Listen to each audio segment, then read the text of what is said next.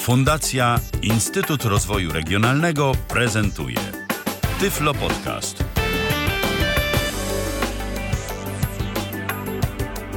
Witam Państwa w kolejnej audycji Tyflo Radia. Piotr Witek przy mikrofonie. Mam przyjemność dzisiaj poprowadzić dla Państwa audycję. Dlaczego przyjemność? Są dwa powody tej przyjemności, e, oba prywatne.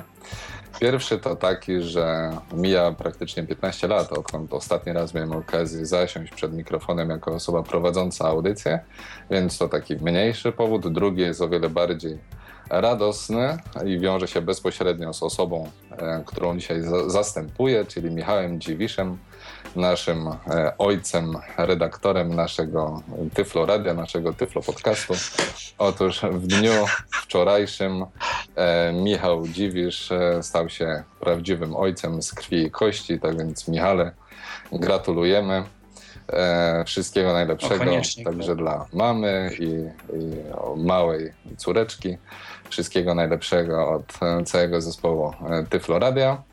A proszę Państwa, dzisiejszą audycję poświęcimy tematowi krótkofalarstwa.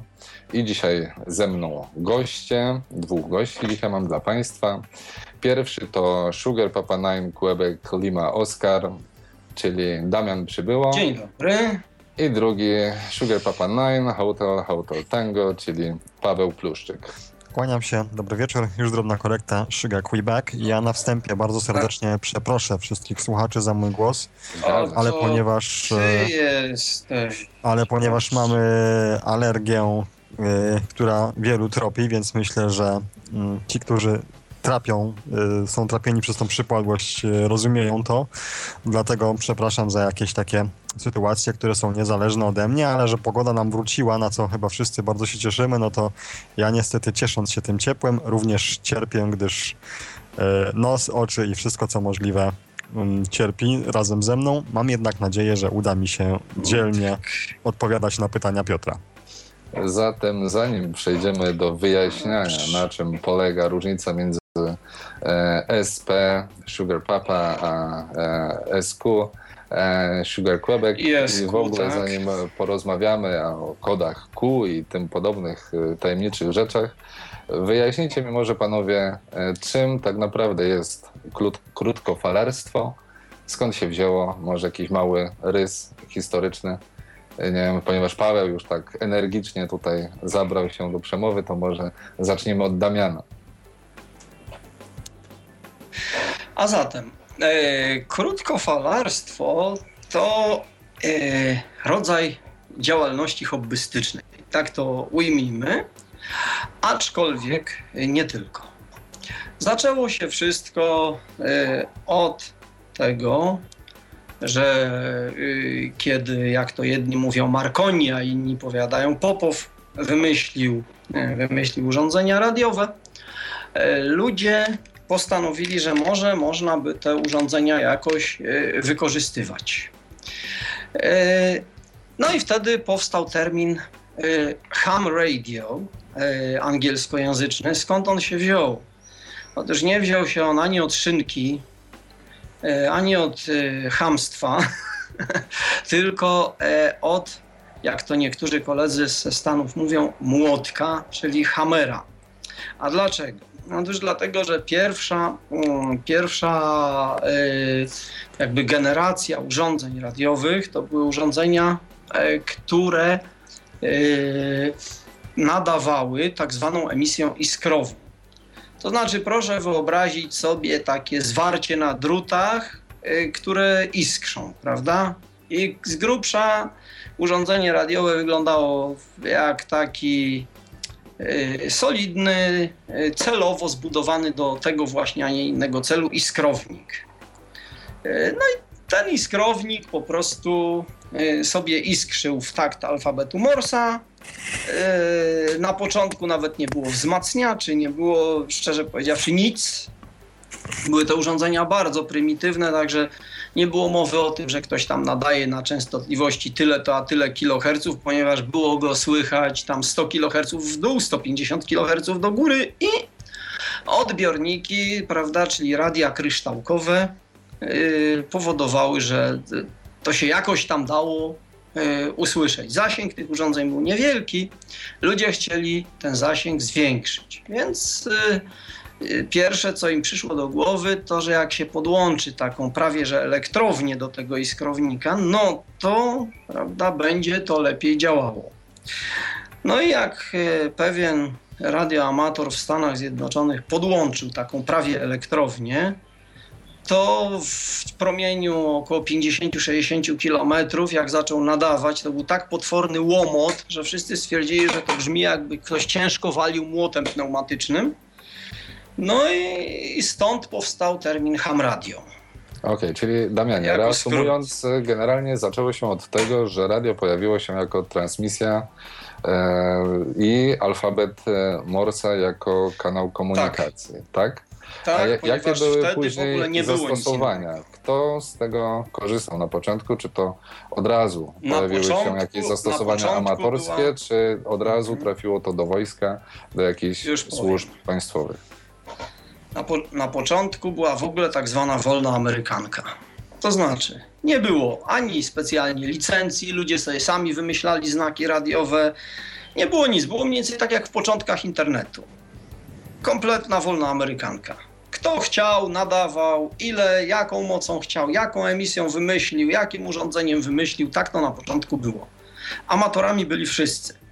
Do tego stopnia, że nie istniało rozróżnienie. Amatorzy nadawali muzykę, wiadomości, przesyłali e, listy od e, prawda, wujka z życzeniami urodzinowymi, żeby komuś było miło i to wszystko jakby było w jednym worku. Tak trwało do mniej więcej I wojny światowej, bo oczywiście jednocześnie wtedy e, pojawiły się te urządzenia e, radiowe na statkach jako taka nowinka, jako coś traktowanego z przymrużeniem oka. Między innymi na Titaniku było takie urządzenie. E, dlaczego to jest ważne? No bo katastrofa Titanika jest, można powiedzieć, przełomem w stosowaniu tych technik radiowych, ponieważ e, właściwie to wtedy pierwszy raz wezwano pomocy przez radio i ta pomoc lepiej czy gorzej nadeszła, choć e, szczerze powiedziawszy, ludzie, którzy odebrali, no Titanic miałby większe szczęścia, ściśle mówiąc, e, pasażerowie jego, gdyby ten sygnał był potraktowany bardziej serio przez jeden ze statków, nazwy w tej chwili nie pamiętam, ponieważ no Radio traktowano, jak mówię, z znaczy, przymrużeniem powiem, oka. E, tak, ja akurat swego czasu miałem okazję przesłuchać e, większości transmisji radiowych nadawanych z Titanica i na Titanic i większości statków, które brały udział w akcji ratunkowej i tam rzeczywiście to radio było wykorzystywane mm, na ogromną skalę. Wydawało mi się, że w tym czasie była to już e, powszechna praktyka, że stosowane radio było we wszystkich, e, na wszystkich statkach, przynajmniej tych dalekomorskich. No ale jak widać byłem e, w błędzie. Pawle, nie, chciałbym nie, nie, dodać to... do tego, co, co mówił Damian. To znaczy tak, generalnie oczywiście tutaj jeszcze mm, należy też mm, powiedzieć o tym, że to wszystko było, tak jak powiedział Damian, na zasadzie wolnej Amerykanki, co też niestety, gdy takie rzeczy mają miejsce, taka praktyka, także wszyscy, wszyscy mogą wszystko, no to też nie wszystko się poważnie traktuje. Co właśnie zaczęło się od tego Titanica, że też nie do końca zostało poważnie potraktowane przez e, załogę statku ostrzeżenia o górach lodowych, ale nie będziemy tutaj na tym się skupiać, więc... Tak, natomiast e, potem była pierwsza no wojna światowa. Więc właśnie i tutaj jakby ta katastrofa tego Titanica, no wtedy wiadomo, e, zginęło zginęło bardzo dużo osób. No, po dzisiejszych tam katastrofach, jakie mamy, no to siłą rzeczy nie jest to tak dużo, ale na owe czasy 1100 rannych, znaczy tu zabitych, to, to jest mm, liczba znaczna. Więc siłą rzeczy później mm, nie dążono jeszcze do ujednolicenia tego wszystkiego. Niemniej jednak fakt, iż e, coś takiego miało miejsce, sprawił, że zaczęto to poważniej traktować. A oczywiście, jak wszyscy doskonale wiemy, sporo technologii, które trafiają, jak to się mówi, pod strzechy, najpierw jest wykorzystywana profesjonalnie, profesjonalnie właśnie na przykład przez wojsko. I tutaj mm, zarówno w trakcie I wojny światowej, jak i ogólnie wszelkiego rodzaju mniejszych e, starć militarnych, radio zaczęło odgrywać bardzo ważną rolę, nie tylko jeśli chodzi o mm, przekazywanie mm, wiadomości, czyli tam powiedzmy sobie e, kontrolę, nie wiem, lokalizacji oddziałów i tak dalej, natomiast również było ważnym elementem jakby dowiedzenie się tego, co dzieje się u wroga. No więc e, tak to wyglądało, jeśli chodzi o takie zastosowanie mm, w aspekcie coraz bardziej profesjonalnym. Fakt, iż było to tak powszechne, gdyż konstrukcje były bardzo proste, e, stanowi też o tym, że była tego bardzo duża dostępność. No więc e, siłą rzeczy nie można powiedzieć jakoś tak mm, kolokwialnie, że zrobił się bajzel w eterze, no bo jednak... e, No ale się zrobił. Ale się ale zrobił. się tak, zrobił. no, I nie używało tego i zwłaszcza trwało bardzo to tak ludzi. naprawdę trwało to tak naprawdę do lat dwudziestych. W ogóle Tak. w czasie I wojny światowej wprowadzono, pierwsze co rządy zrobiły, to wprowadziły zakaz korzystania z jakichkolwiek urządzeń radiowych Mhm. e, do zastosowań cywilnych, nawet w marynarce i gdziekolwiek, i po prostu, ponieważ uznano właśnie, że to jest ważne. Okej, Po panowie, pierwszej wojnie- Wiemy, jak to się zaczęło. To teraz ja mam takie pytanie do Was, trochę może osobiste, mm, ale jestem ciekaw, ponieważ e, dla większości osób tak to trochę z boku wygląda. Radio, przynajmniej te rozmowy krótkofalarskie, e, dyskusje na fonie czy przy wykorzystaniu alfabetu Morsa ma to taki troszkę swój nimb tajemniczości, że to trzeba jakichś tam em, dziwnych e, umiejętności posiadać e, znaczną ilość, ale e, mam takie pytanie do Was. E, jak do tego e, dotarliście? Jak zainteresowaliście się radiem? Skąd pomysł na to, żeby się zainteresować? Ja tutaj przyznam się też, że posiadam sam licencję nasłuchową. Nie jest to żadne osiągnięcie. Nijak się to ma do licencji, jakie tutaj koledzy posiadają, ale o tym też, co to jest licencja, będziemy jeszcze rozmawiać. Na razie chciałbym się dowiedzieć, co Was popchnęło w stronę radia, krótkofalarstwa. Może Paweł, od Ciebie zaczniemy. Zacznę od tego, że mm, radio fascynowało mnie od zawsze. Myślę, że jest tak e, w przypadku wielu osób niewidomych. Ja oczywiście nie chcę dorabiać do tego jakiejś super ideologii, że w pewnym sensie jesteśmy ograniczeni, bo jesteśmy pozbawieni telewizji, etc. No bo uważam, że jest w tym pewna racja, aczkolwiek byłoby to wyolbrzymianie problemu. Niemniej jednak E, Radio fascynowało mnie od zawsze. Oczywiście pierwszy kontakt to był z takim radiem standardowym, jakiego wszyscy słuchamy na co dzień. E, Czyli powiedzmy te dwadzieścia kilka lat temu to jeszcze były fale długie, fale średnie, fale krótkie, no oczywiście UKF również. Więc e, wzięło się to stąd, że zawsze gdzieś tam jakiś wyjazd wakacyjny, etc. Zawsze to radio towarzyszyło i fascynowało mnie, gdy pojawiałem się w jakimś nowym miejscu, że łapałem stacje radiowe, których na co dzień e, w domu nie słyszę. Później rodzice moi, zainspirowani jakby tym, że tak ciągle mnie to kręci, w roku 1994 pod choinką znalazłem CB Radio. I muszę Jaki powiedzieć, model? Pochwal się. e, muszę powiedzieć, że to był strzał w dziesiątkę. Było to urządzenie bardzo proste, w zasadzie podstawowe, aczkolwiek miało parę fajnych funkcji. Był to model bardzo mało znany. E, Urządzenie nazywało się Nevada 2002. E, Myślę, że większość naszych słuchaczy otarła się chociażby bardzo ogólnie o CB Radio, więc mogę tylko powiedzieć z takich danych podstawowych technicznych, że urządzenie to posiadało tylko podstawowe 40 kanałów. I właśnie od tego, od tego wszystko się zaczęło. Pamiętam, że pierwsze moje nasłuchy to było po prostu wetknięcie kawałka jakiegoś e, kabla antenowego do e, używanego do anteny telewizyjnej i były to pierwsze nasłuchy, no a później oczywiście e, tak mnie to wkręciło, że zacząłem marudzić rodzicom o jakąś lepszą antenę i tam po kilku miesiącach na dachu stanęła antena już taka trochę mm, lepsza. I mm, trzeba przyznać, że w owych czasach, czyli powiedzmy sobie początek lat 90., czy połowa lat 90., jeszcze w erze przedinternetowej i mm, w czasie raczkującej telefonii komórkowej, CB Radio to był prawdziwy boom. To nie było tak, że gdzieś tam z kimś tam można było pogadać. To były czasy, gdzie na każdym kanale tej, jak to się mówi, podstawy, czyli podstawowej 40, co wieczór ktoś rozmawiał. E, nawet późną nocą można było znaleźć okupowanych kilkanaście kanałów, więc to rzeczywiście była sprawa niesamowita. Dla mnie, jako dla osoby raczej takiej powiedzmy usposobienia domatora i tak dalej, to była super sprawa, no bo bez wychodzenia z domu można było pogadać z ludźmi i tak dalej. Przy czym Powiedzmy sobie, że w takich warunkach podstawowych, typowo miejskich, bez jakichś super sprzętów, e, to mm, łączności nie były zbyt dalekie dużym uogólnieniu do około tych 30 km, ale oczywiście dało się dla cierpliwych coś upolować więcej, więc z mojej lokalizacji takiej domowej, czyli bezpośrednia okolica Katowic, łączność z Zakopanem, gdzieś tam o trzeciej czy czwartej nad ranem, było czymś, co już po skończonej łączności jeszcze przez parę godzin nie pozwoliło mi zasnąć. Oczywiście dla 14-15-latka, no to była w ogóle super sprawa. To ja, ja tylko wtrącę na szybko, że ja z mojej lokalizacji kilkanaście kilometrów e, od Pawła lokalizacji mm, mniej więcej ten sam okres z Kopą Biskupią, czyli jakieś 100 kilometrów może łączność, więc jak na on czas to rzeczywiście też pełna ekscytacja. Przy czym e, tutaj zanim oddam głos Damianowi, jakby zaczniemy się zagłębiać w kwestię czy to CB radia, czy krótkofalarstwa, ja chcę powiedzieć jedno, że z krótkofalarstwem, czy ogólnie ze sprawami radiowymi jest, no nie wiem, tak jak z e, filatelistyką, czy, czy z numizmatyką, tak? Dla osoby postronnej to się może wydawać nudne, nieprzydatne i w ogóle głupie. Natomiast e, chyba najbardziej adekwatnym określeniem to jest pewien stan umysłu, bo to po prostu trzeba tego bakcyla połknąć i wtedy nas to pochłania. Nie powiem, że bez reszty, ale wtedy dla nas ma to sens, jest to no tak, zdecydowanie czymś, czymś, to stan umysłu. Czymś e, podstawowym.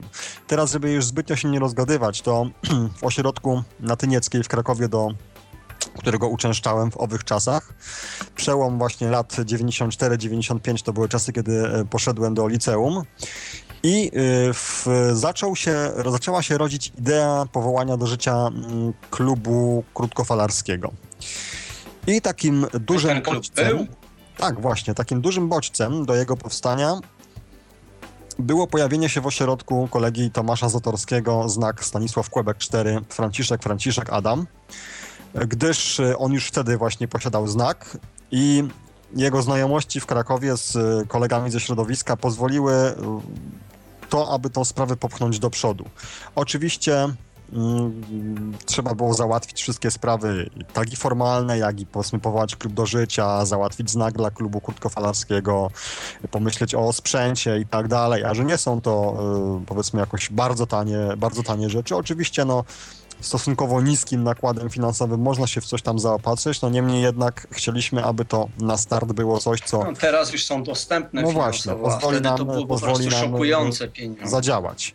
Oczywiście ktoś tam się znalazł, zasponsorował i to wszystko ruszyło. I muszę powiedzieć, że to właśnie, iż powstał ten klub, dla mnie było sprawą fantastyczną, gdyż możliwość słuchania, gdy ja pamiętam pierwszy czy drugi raz przyszedłem do klubu, miałem jakieś tam z CB Radio doświadczenie, wiedziałem już wtedy, że na CB Radio można robić dalekie łączności, ale gdy tak wchodząc do klubu usłyszałem, jak Tomek rozmawia, nie wiem, z Brytyjczykiem, Rosjaninem, Czechem, czy dajmy na to e, Finem, no to rzeczywiście było to dla mnie coś niesamowitego i od razu mnie to bardzo mocno wciągnęło. Co więcej, było to również motywacją do nauki języka angielskiego, jako że e, takim lingua franca, e, powiedzmy w krótkofalarstwie, tak jak nie wiem, w biznesie i w innych dzisiaj kwestiach jest język angielski.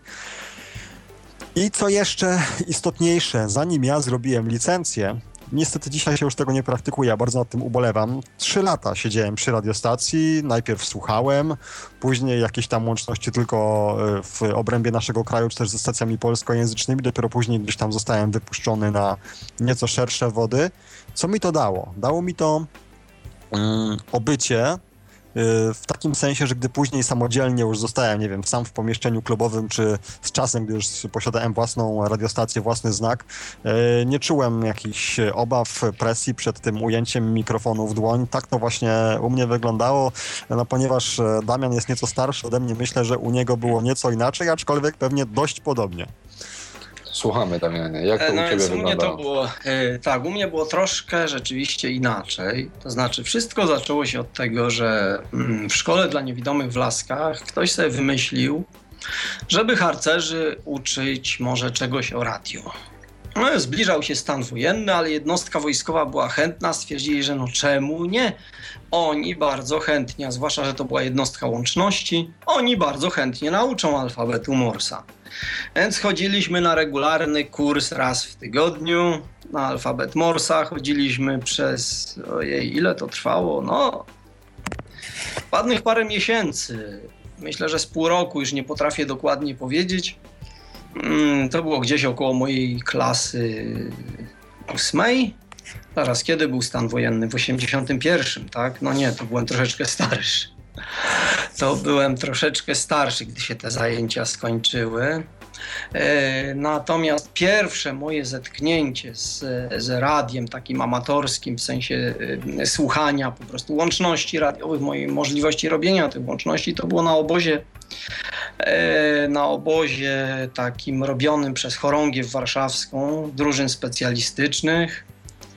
Tam było dwóch takich amatorów naprawdę, co to tam zapalonych i, i, i bardzo mocno technicznie zaangażowanych. E, był kolega Ryszard SP5RH i był kolega, jak mu, Wacław, już chyba nie żyjący, nie wiem, bo go nie słyszałem od wieków, a może jeszcze żyje, to jeżeli uśmierciłem, to przepraszam, SP5 Wanda Ludwik.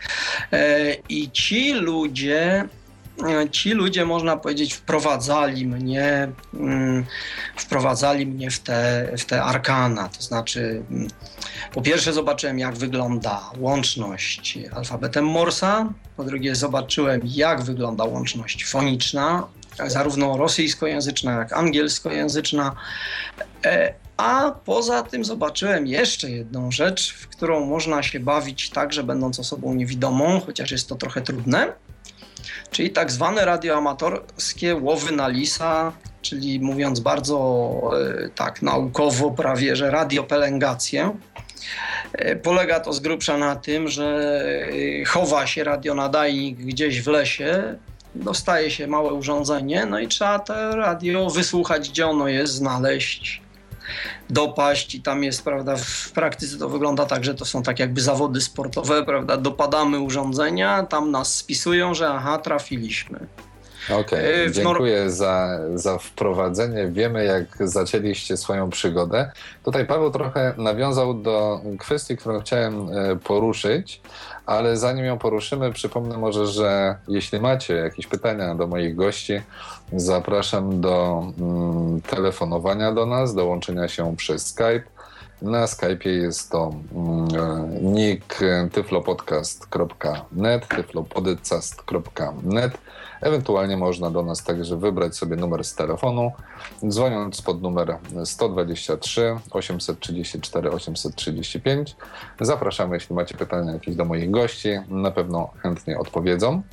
A wracając do mm, mojego pytania, na które już Paweł poniekąd po części odpowiedział, ale e, pamiętam taką e, sytuację z mojego dzieciństwa, gdy rok w rok jeździłem na wakacje nad pewne jezioro mieszkałem w kempingu, gdzie za płotem e, ludzie mieli dom. Mieli dom i taką wysokie podpiwniczenie i jeden, znajdowało się tam takie pomieszczenie, w którym właściciel tego domu znikał wcześniej rano. E, przez cały czas dochodziło stamtąd tylko serię długich i krótkich dźwięków E, wyłaniał się stamtąd tylko na posiłek południowy, po czym zaraz po nim wracał i spędzał tam czas do wieczora. Skąd ta pasja? Skąd e, ta, ta siła, która trzyma ludzi przy radioodbiorniku? Co sprawia, że krótkofalarstwo jest tak fascynującym zajęciem, bo ja przyznaję, dla mnie wtedy to było mega fascynujące, obserwując to za płotu. E, co Was trzyma w dalszym ciągu? Jeszcze dlaczego to pytanie w ogóle się pojawiło? Pamiętam, gdy pierwszy raz, już e, ponad 10 e, lat temu, nie pamiętam, czy to już był Skype, czy jeszcze to była inna technologia, ale nawiązałem pierwszą łączność przez internet foniczną z zresztą kapitanem żeglugi wielkiej, który akurat był w domu w Trójmieście i wtedy pomyślałem, kurczę, to już chyba jest koniec radia.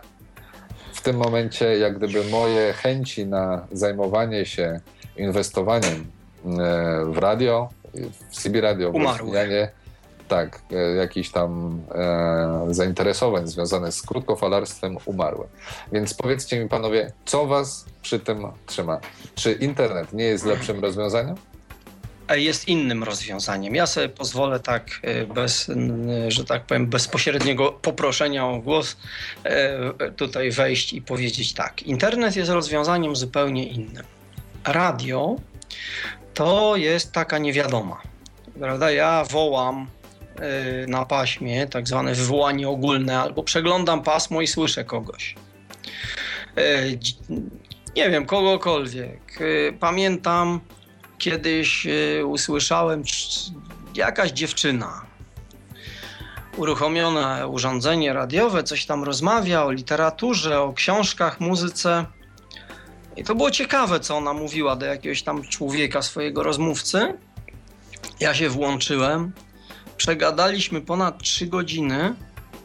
E, A na koniec No ona dowi- mówi Szymborska over. Nawet nie. Nie, to była Rosjanka w ogóle. E, To była Rosjanka gdzieś z Saratowa nad Wołgą. E, I, I to było niesamowite. To było niesamowite, y, jakie ona miała przemyślenia właśnie na tematy, na tematy literackie. Ja zawsze mówię, jak mnie pytają, co to jest z tym radiem, ja mówię, mój, moje takie zawołanie radiowe to jest, aby ludziom było bliżej do siebie. Bo e, internet, no to, to jest e, łączność przez Skype'a, to jest taki zwykły telefon, prawda? Y, Lubię cię albo nie lubię, dodaję cię do kontaktów albo nie. Natomiast tutaj jakby y, trzeba mieć otwartą postawę, że oto spotkamy jakiegoś drugiego człowieka, jakieś i to jest tak, że bardzo często usłyszymy łączność, która wygląda w ten sposób. E, odbieram cię na słuchawki, prawda? E, używam anteny, mam e, tyle a tyle mocy, tak, a tak nazywa się moje radio, 5.9, do widzenia, spadaj. No i to, tak, tak, to sobie, tak to sobie często wygląda. Wręcz takich kontaktów jest większość. Ale od czasu do czasu przytrafiają się perełki. Bo nagle trafiamy na przykład, tak jak mnie się to jeszcze udało, na kolegę SP7 Ludwikanna.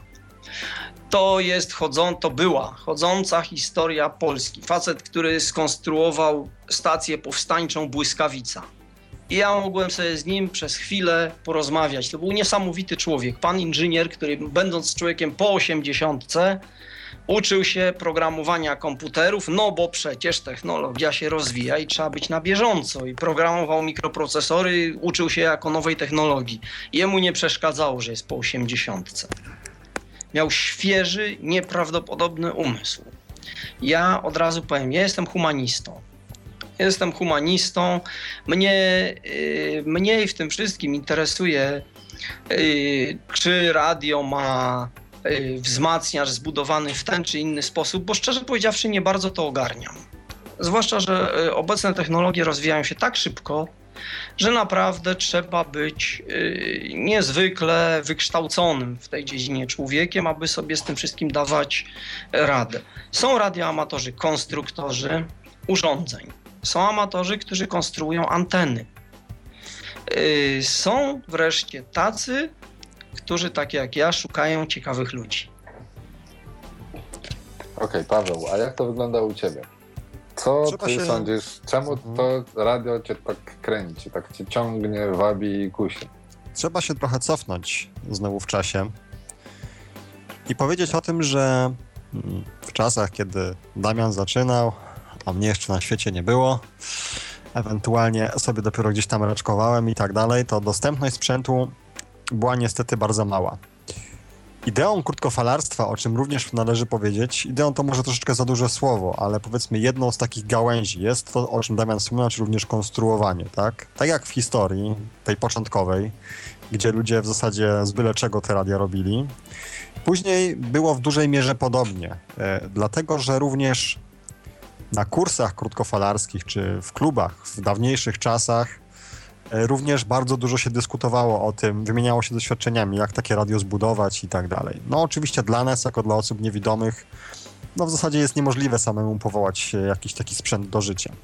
A i to nie jest do końca prawda. No oczywiście, Są w tak. Stanach ludzie, którym się to udawało przy technologii lampowej, jeszcze starożytnej. Ja osobiście miałem okazję rozmawiać z niewidomym, który sam zbudował urządzenie radiowe, z tym, że to było w czasach, kiedy nie było płytek drukowanych, nie było, no, No więc właśnie, można powiedzieć, więc właśnie. no, Natomiast no, jednak tutaj staram się pewne sprawy nieco upraszczać.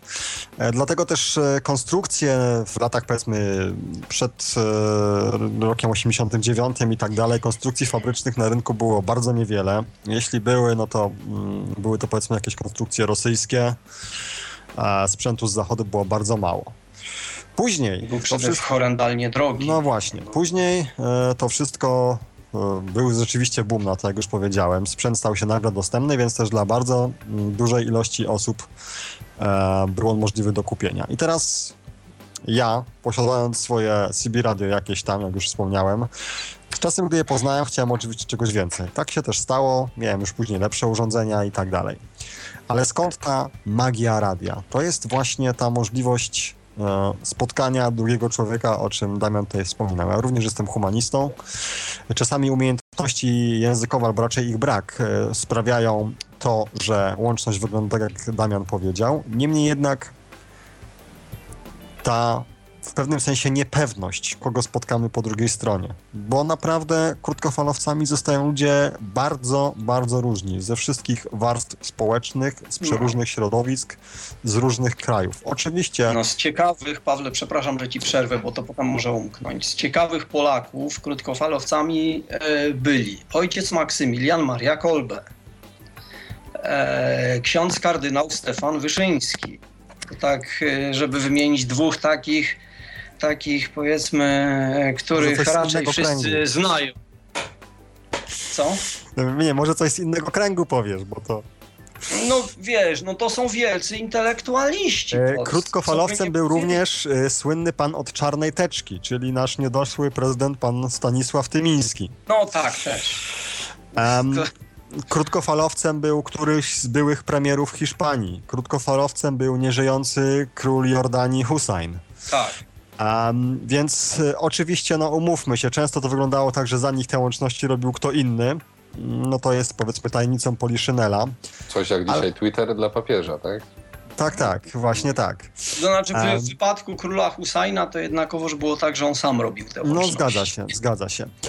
E, więc y, oczywiście no, ja tutaj troszeczkę jakby bardzo wysoko podbiłem poprzeczkę, ale to nie o to chodzi. Chodzi mi o to, że możemy spotkać kogoś z bardzo różnych kręgów kulturowych, e, porozmawiać z kimś, jeśli te zasoby językowe na to pozwalają, z Japończykiem, z kimś, kto żyje pozornie niedaleko, czyli na przykład nad, gdzieś tam na, w północnej Finlandii, gdzie jednak e, obyczaje są nieco inne i styl życia jest nieco inny i dowiedzieć się czegoś ciekawego i tak dalej. E, Ten wspólny temat prawie zawsze się znajdzie i to mnie najbardziej fascynuje, a poza tym właśnie to, że tak naprawdę bardzo dużo zależy od nas samych. Bo dzisiaj łącze o jakiejś tam dużej przepustowości w zasadzie jest standardem i mm, pewność tej łączności komfortowej na dobrą sprawę mamy zapewnioną. Ok, nie działa nam na Skype'ie, przechodzimy sobie na inny komunikator, tam zadziała. W razie potrzeby, no jak już coś tam nie działa fonicznie, można sobie popisać. Natomiast tutaj mm, to jest wszystko takie bardzo naturalne i to jest chyba e, to, co, co mnie urzeka.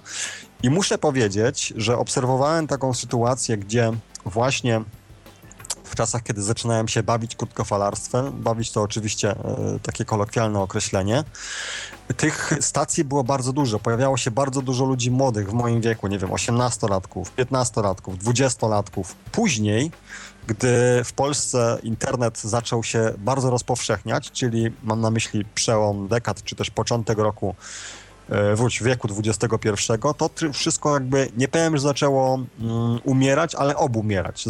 Zrobiła się taka cisza i, i, jakoś gdzieś to troszeczkę przyschnęło. No ale teraz wraca. No właśnie, to jest to, jest to że ludzie ten, ten internet już okrzepł, to wszystko jest takie, no komórkę, okej, biorę, dzwonię. Internet, klikam, okej, jest face, czytam coś, zawsze sobie pogadamy. Natomiast ta radia, ta, ta magia radia ciągle do ludzi w jakiś sposób trafia i to jest niesamowitą sprawą. Co jeszcze mnie urzeka?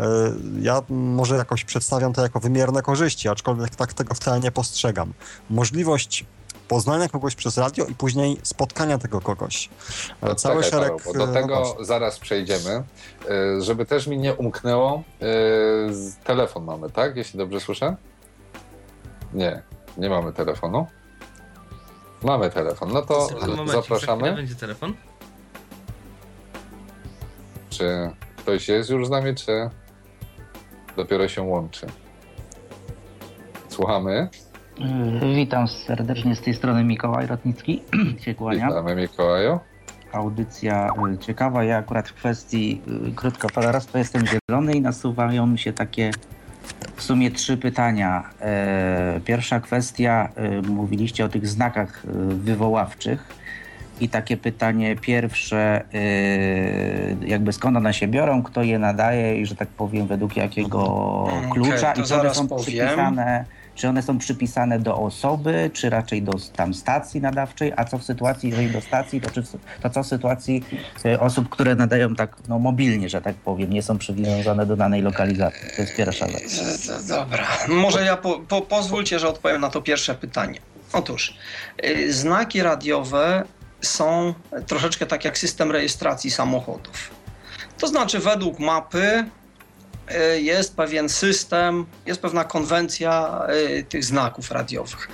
Znaki mogą być przyporządkowane zarówno do osoby, to znaczy ja mam swój osobisty znak, prawda, który jest do mnie, do mojego imienia i nazwiska przyporządkowany, jak i do stacji. I przy czym stacje mogą być stacjami klubowymi lub stacjami E, innego rodzaju, na przykład stacjami, które otrzymują znaki z okazji jakiegoś szczególnego wydarzenia. wydarzenia szczególnego wydarzenia. To może być, nie wiem, e, kolejna rocznica wybuchu lub zakończenia II wojny światowej, albo na przykład dni lukrowanych pączków w Pcimiu Dolnym, nie obrażając pączków i Pcimia Dolnego. Wszystko jedno. E, może być dowolne wydarzenie, może sobie, jeżeli komuś zależy, mieć, e, prawda, taką stację radiową, która je jakoś tam promuje. Ja swego czasu na przykład uczestniczyłem w takim wydarzeniu jak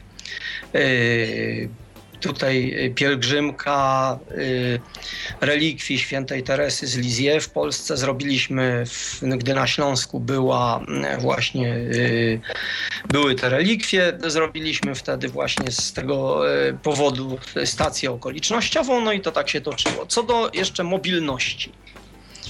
Mobilność nie przeszkadza, bo stacje, znaczy inaczej Znak nie jest przyporządkowany koniecznie do lokalizacji tak ściśle, ponieważ jeśli na przykład ja wezmę do ręki urządzenie radiowe i pójdę sobie na spacer, e, to wtedy, prawda, jeżeli ktoś mnie, jeżeli ja kogoś usłyszę, mogę go zawołać, e, łamiąc swój znak przez e, portable jak przenośny. Jeżeli będę jechał samochodem, wykonam łamanie znaku przez mobile.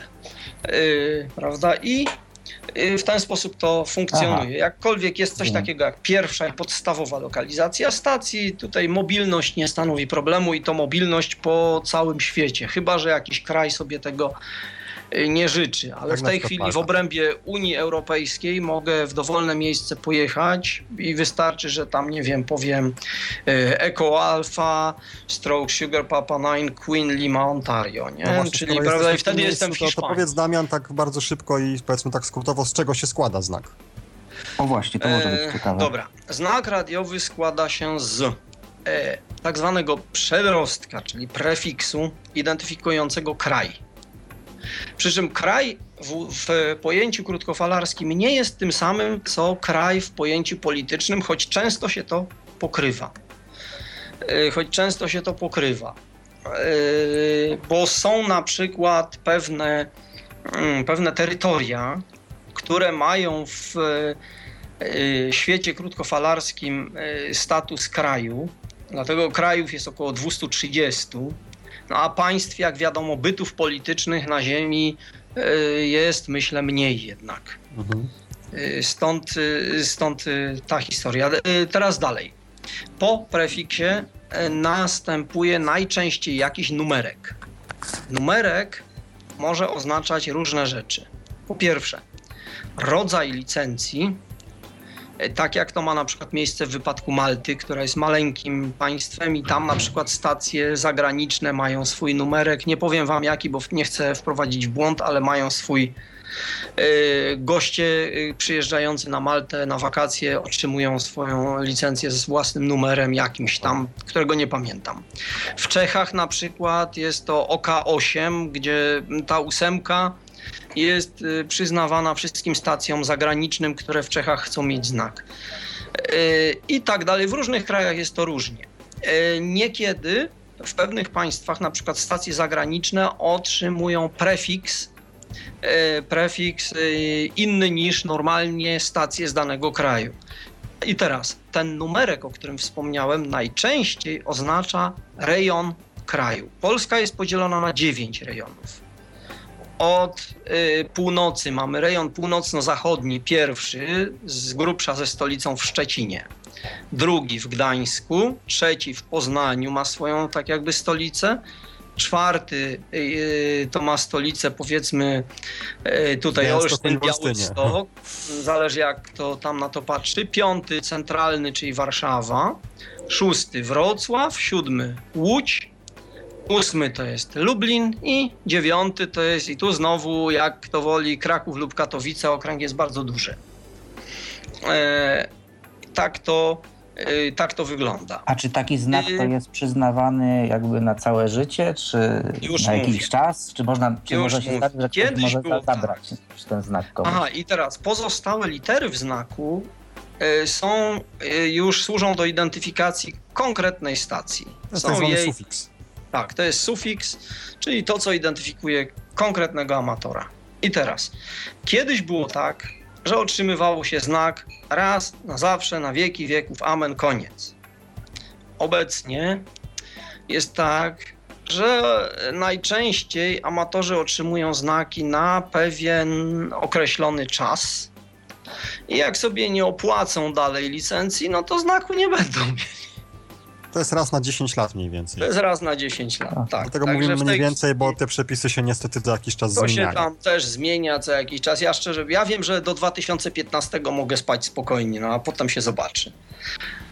Aha, e, dobrze. To jeszcze tylko takie dwa pytania i się za chwilkę rozłączę. Y, CB Radio, a krótkofalarstwo to drugie pytanie. I trzecie pytanie, y, z iloma osobami właśnie niewidomymi albo słabowidzącymi mieliście okazję się łączyć i to już niezależnie od tego, czy w kraju, czy, czy za granicą.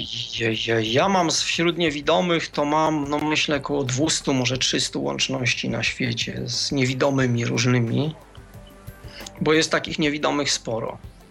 Trudno mi powiedzieć, ale to będzie, w, ja myślę, że kilkaset. A ty, Paweł?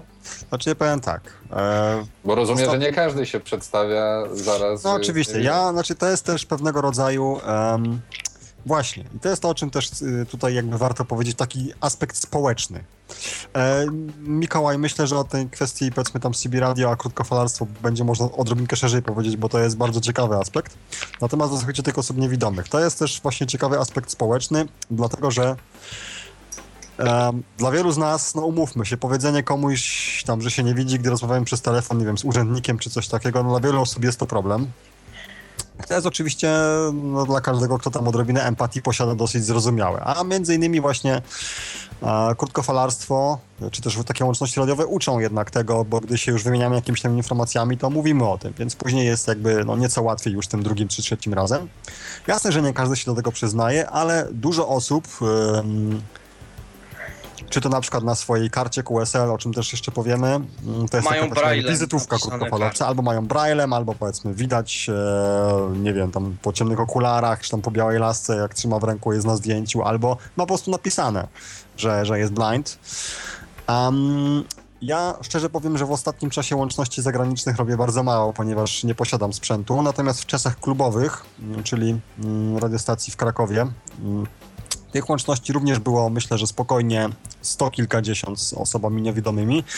No przy czym oczywiście można powiedzieć, że o ile w tych krajach typu, dajmy na to mm, takich mniejszych, dajmy no nie wiem, skandynawskie kraje, czy jakieś tam kraje y, Ameryki Łacińskiej, tego jest troszeczkę mniej, o tyle załóżmy Wielka Brytania, Stany, Japonia czy Rosja. Tych niewidomych krótkofalowców jest naprawdę dużo. Myślę, że w e, skali świata jest to spokojnie, możemy powiedzieć, kilkanaście tysięcy osób, a nie zdziwiłbym się, gdyby tego było więcej. Także tych osób jest e, sporo. Wiadomo, że jakoś się z tym nie afiszujemy, aczkolwiek powiedzenie o tym e, jest... Znaczy Pawle, nie afiszujemy. Ja się afiszuję programowo. Znaczy, ja no, się po- programowo tak, Ja się nie afiszuję, wstydzę o tym ponieważ- mówić, tak? Ale Nie, ma a ja się afiszuję. A ja się afiszuję. Dlaczego? Dlatego, że uważam, że mówienie przez radio, że jestem niewidomy, jest rodzajem promocji osób niewidomych jako osób, y, które mogą normalnie funkcjonować w społeczeństwie. Ja uważam, że na przykład jeżeli ktoś usłyszy, że niewidomy rozmawia przez radio, że niewidomy ma coś do powiedzenia, że dzięki temu jakiemuś niewidomemu będzie a to łatwiej pracę dostać, a to łatwiej yy, znaleźć się wśród ludzi, a to coś tam jeszcze innego, że mm, jakby yy, promocja niewidomych jako pełnoprawnych i pełnowartościowych członków społeczeństwa jest moim jako, yy, że tak to górnie i szumnie powiem, niewidomego inteligenta zadaniem. I skoro już mam takie narzędzie, to traktuję to jako swoją, swego rodzaju misję społeczną, że należy o tym mówić, e, właśnie po to, żeby innym niewidomym na świecie żyło się lepiej. Okej, rozumiem już teraz. Myślę, że Mikołaj e, uzyskał odpowiedzi przynajmniej na większość swoich pytań. Do tego e, połączenia czy, czy, czy porównania z CB Radia do krótkofalarstwa e, zaraz przejdziemy. Ja chciałem jeszcze zakończyć wcześniejszy wątek. To, o czym rozmawialiśmy, co trzyma ludzi przy krótkofalarstwie. Wydaje mi się, że Paweł tutaj poruszył tą kwestię w taki sposób, przynajmniej ja też to odbieram. To znaczy, że mm, krótkofalarstwo wymaga jednak zaangażowania od nas pewnego, pewnego poświęcenia, wymaga mm, nabycia pewnych umiejętności, wymaga pewnego samozaparcia, e, wymaga poświęcenia czasu, środków finansowych i efektem tego jest e, swoiste sito, które przesiewa mm, takie osoby, które naprawdę chcą porozmawiać z drugim człowiekiem, a nie tylko chwili to sito jest klikają bardzo ładne. sobie gdzieś na Skype'ie czy na innym komunikatorze, wpisując jakieś tam losowe tożsamości. E, Wydaje mi się, że to jest właśnie mm, to, że biorąc e, mikrofon do ręki, mm, możemy liczyć na to, że na mm, falach eteru spotkamy drugą osobę, która też będzie chciała z nami porozmawiać. Ale panowie, chciałbym przejść jeszcze do jednej kwestii, jeszcze przed przerwą. E, To znaczy, e, tutaj już też poniekąd Paweł do tego nawiązywał i myślę, że zaczniemy od Pawła, żeby mógł skończyć to, o czym zaczął mówić, to, w czym mu przerwałem. E, Przede wszystkim, mm, jaki wpływ krótkofalarstwo miało na wasze życie? Co wam dało? Co e, wam was rozwinęło? Ja muszę przyznać osobiście, że po moich doświadczeniach z CB Radiem i znając osoby, które mm, zajmowały się em, radioamatorstwem w taki czy w inny sposób, muszę przyznać, że przede wszystkim e, można się nauczyć mówić. Człowiek się staje bardziej wygadany, stara się jakoś em, sensownie składać myśli, zdania, stara się wyrazić to, co myśli, kierując te słowa do drugiego człowieka i ma na to jakiś tam interwał czasowy, w którym musi się zmieścić. Musi, nie musi, przynajmniej tak by nakazywały mm, zasady dobrego wychowania. E, I myślę, że to działa. To jest coś takiego, co najbardziej rzuca się w oczy wśród radioamatorów, ale panowie, co jeszcze? Co wynieśliście z tego? Paweł wspomniał o dwóch rzeczach, e, przynajmniej z tego co pamiętam, to przede wszystkim jakaś chęć do nauki języków obcych i druga sprawa jakieś kontakty, kontakty także międzynarodowe, ale Pawle może rozwiń i dodajcie coś em, w tym temacie. Tak, Proszę pozwolę sobie jeszcze w jakimś sensie spuentować poprzedni wątek. Niestety krótkofalarstwo jest y, taką dziedziną życia jak, jak de facto każda inna, czyli no w pewnym sensie się komercjalizuje i na dobrą sprawę każdy z nas E, kto na przykład, nie wiem, widzi dzisiaj młodzież w autobusie, to zdaje sobie sprawę z tego, że my, gdy mieliśmy 15 lat, zachowywaliśmy się inaczej. Tak samo każdy starszy człowiek mówi, o, za moich czasów to było inaczej.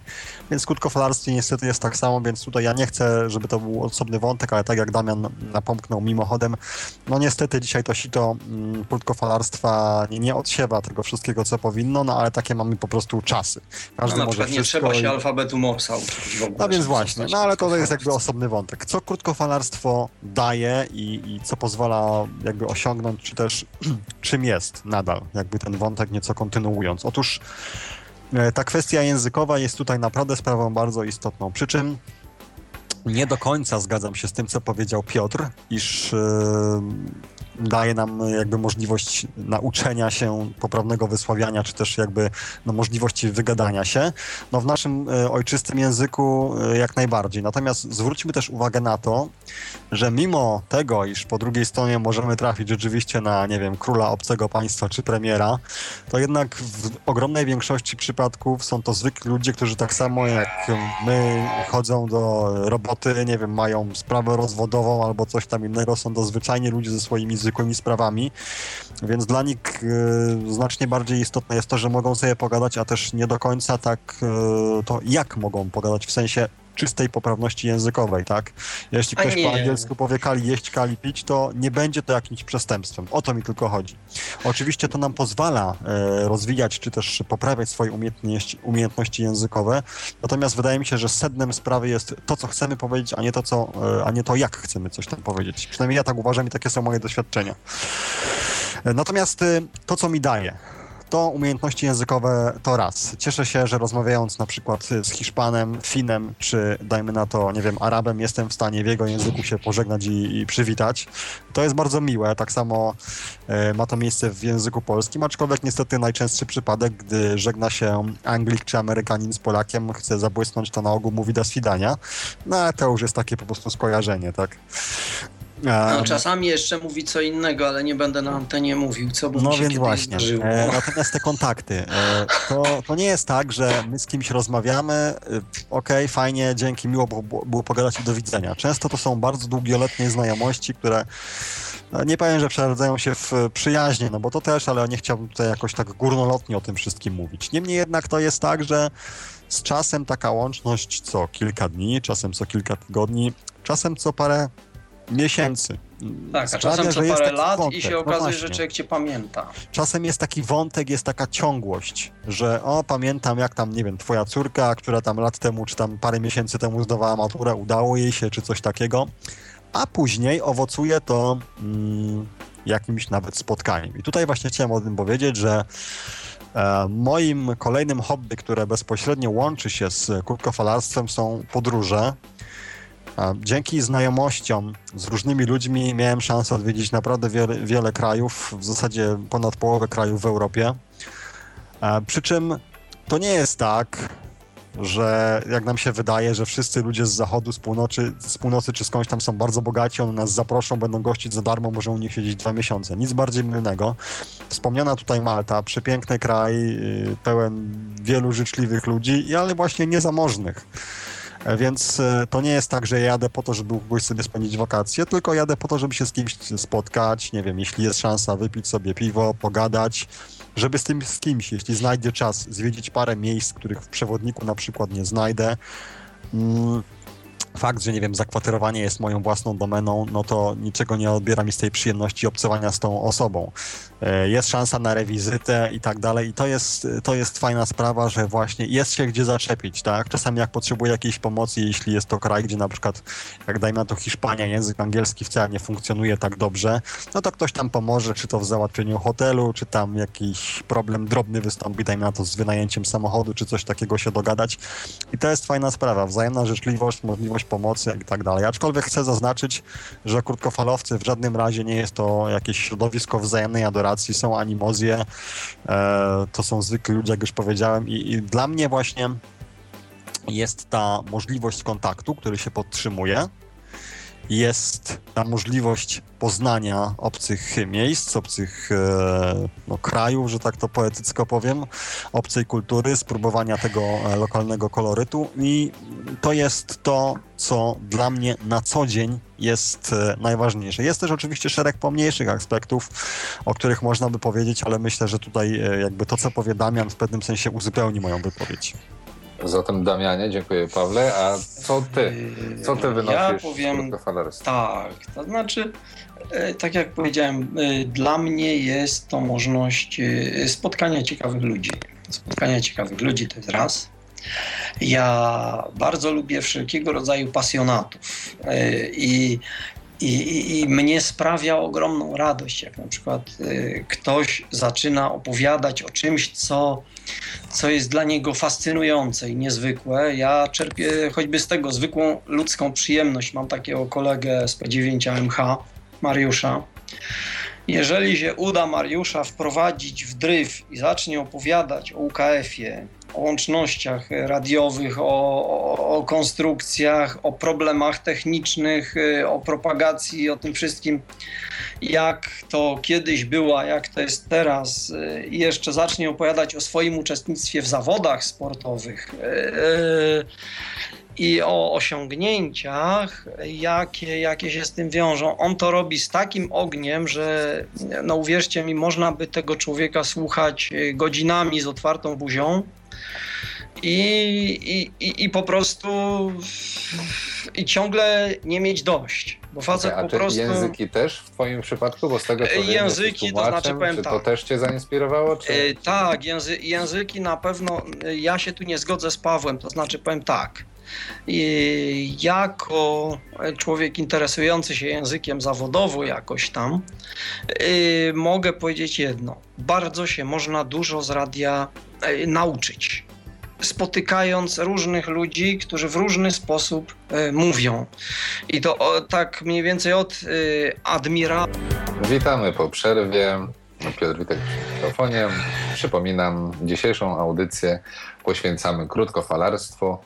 Czym dla e, krótkofalarzy jest samo krótkofalarstwo, co przynosi, co im daje E, jak to jest, że krótkofalarstwo jest takie mm, fascynujące i co ludzi ciągnie do krótkofalarstwa. Chciałbym przypomnieć jeszcze, że no, możecie się Państwo z nami kontaktować zarówno za pośrednictwem Skype'a, Nasz nick na Skype'ie to tyflopodcast.net, tyflopodycast.net, a także możecie do nas dzwonić korzystając z tradycyjnego telefonu pod numer 123 834 835. A teraz, ponieważ już przewinęły się u nas parę razy w dzisiejszej audycji różnego rodzaju tajemnicze skróty, już było wyjaśniane, czym są wszystkie SQ, SP i tym podobne. E, dla tych, którzy nas nie słuchali wcześniej, e, tylko informuję, że nikogo nie obrażam w ten sposób. E, w każdym razie teraz, panowie, mm, powiedzcie nam, czym są QSL-ki, potocznie nazywane, czyli karty QSL i w ogóle co to jest ten kod Q? Kto z panów chętny? ja mogę spróbować akurat na to pytanie. E, QSL-ki, czyli karty QSL, to inaczej takie e, tak zwane karty potwierdzenia łączności. O co tutaj chodzi? E, otóż z grubsza chodzi o to, że jak ktoś ma łączności z różnymi ludźmi na świecie, to chciałbym mieć materialny dowód, że to rzeczywiście się odbyło i że sobie tego nie wymyślił.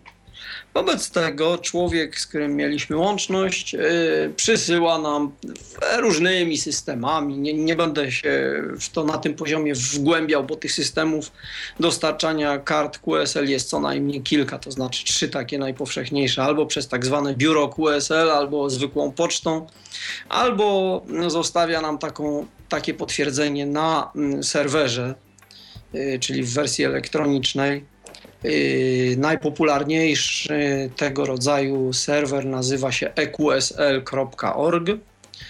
Y, no i tam mm, po prostu można y, po przeprowadzeniu łączności z kimś wpisać dane tej łączności, że tego to, tego dnia z takim, ze stacją, która się legitymuje takim czy innym znakiem, przeprowadziliśmy łączność w takim oto, takim paśmie o tej o tej godzinie. Na tej podstawie człowiek, który z nami rozmawiał, e, może porównać to powiedzmy ze swoimi zapiskami i stwierdzi, że rzeczywiście taka łączność e, była. To jest jedna rzecz. Do tych, do, do tych suchych informacji bardzo często dołącza się e, ciekawe rzeczy. To znaczy ludzie robią niesamowite te karty QSL, jak się dostaje papierowe. Dla nas niewidomych to powiedzmy jest mało mało rajcujące, no bo nie widzimy y, kolorowych, pięknych plenerów, świetnie zakomponowanej grafiki, y, ciekawych zdjęć, które tam są.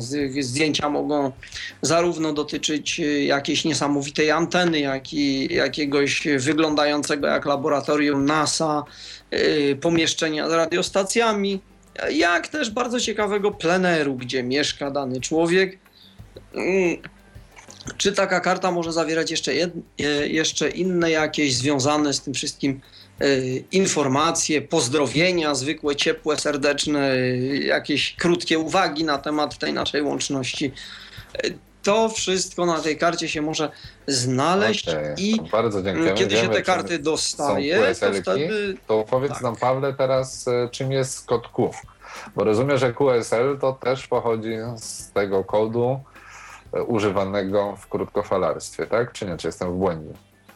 Nie, nie jesteś. Tak, QSL, czyli, czyli po prostu to jest jakby potwierdzam. E, kod Q został opracowany na potrzeby alfabetu Morsa w dużej mierze. Wynikało to z tego, że no siłą rzeczy e, powiedzieć jest znacznie szybciej niż napisać, czy szczególnie wystukać kluczem takim tradycyjnym. E, no bo klucze również ewoluowały na przestrzeni ostatnich tam dziesięcioleci. Natomiast e, jeszcze o tej QSL-ce tak stricte tylko obrazowo, to ma, wygląda mniej więcej jak pocztówka, dlatego mówię mniej więcej, no pocztówki dzisiaj też wyglądają dosyć przeróżnie, są jakieś tam rozkładane i tak dalej, no ale powiedzmy w dużym uproszczeniu ma to właśnie format pocztówki, jest averse, reverse. No. no właśnie, no to, to jest trochę większe, ale averse, reverse E, wiadomo, tam na jednej stronie się wpisuje te wszystkie dane łączności plus coś tam, a na drugiej stronie jest właśnie na jakiś obrazek. I teraz ten kod Q ma naprawdę bardzo duży e, szereg e, jakby tych kodów jest i założę się, że nie ma nikogo, kto zna, kto zna cały na pamięć, co to wszystko oznacza. Mm. I zakład przegrasz, bo są ludzie, którzy znają. Natomiast tego rzeczywiście jest bardzo dużo od informacji związanych z zakłóceniami, jakie mamy, albo na przykład, że sygnał spada, czy że prosimy Ale czy wszystkie te zbitki, te akronimy, bo to pewnie po części bierze się teraz akronimy. Po części, tak. Czy, czy to wszystko się zawsze zaczyna od literki Q? Czy jak ktoś mi napisze WTF, to wtedy mogę podejrzewać, że... Nie, nie wszystkie zaczynają się od litery Q. Od tego trzeba zacząć. Skróty tego, tego takiego slangu do alfabetu Morsa, nie wszystkie, bynajmniej... Yy, tych od litery Q no jest proszę, mniejszy. mi jeszcze coś takiego, bo wszystkie przykłady, jakie słyszę w kodzie Q oparte są o trzy znaki, a z tego co mi wiadomo w łączności przy pomocy e, kodu Morsa korzystamy z pakietów pięcioznakowych. Może w ogóle e, opowiedzcie Nie, to też jest nieprawda. Posłuchaj, jak należy korzystać z kodu z alfabetu Morsa, jak korzystamy e, z klucza, bo powiedzmy, że na razie mówimy o tradycyjnych rozwiązaniach. Paweł już wspomniał, że tych kluczy jest kilka, więc jak się nadaje, jak się odbiera Morsem. No i wyjaśnijcie mi, czy te QSL to są tylko kody, kody Q trzyznakowe, czy także w innych kombinacjach? Kody mogą być w różnych. Ja jako, znaczy ja jestem słabym telegrafistą. Uczciwie sobie powiedzmy, owszem, robię łączności telegraficzne, ale moje tempo to jest tam 60, no do 80 znaków, czyli nie ma się czym chwalić. Y, ponieważ tak naprawdę dobrzy telegrafiści robią 160 znaków i też to działa i w tym momencie jest to co najmniej y, tak szybko jak y, pisanie na klawiaturze, można tak powiedzieć. Inna sprawa, kto to jest w stanie odebrać. No ale są tacy, którzy potrafią w takim tempie. Yy, powiedzmy. Natomiast y, jak to jest z tym alfabetem Morsa. Z alfabetem Morsa jest tak, że tak naprawdę to trzeba się nauczyć alfabetu, a potem słuchać, słuchać, słuchać, słuchać, jak inni koledzy to robią. I z tego słuchania się nauczyć. Bo nie ma innego sposobu. To jest tak jak z językiem obcym, jakimkolwiek. Znaczy ja bym to chyba bardziej przykład- porównał, ja bym to bardziej chyba przyrównał do rzeczy, która myślę naszym słuchaczom będzie o wiele bliższa i, i sam przerabiałem to swego czasu. To znaczy w momencie, gdy straciłem wzrok, nagle musiałem się nauczyć Braille'a i sama nauka No Braille'a, tak.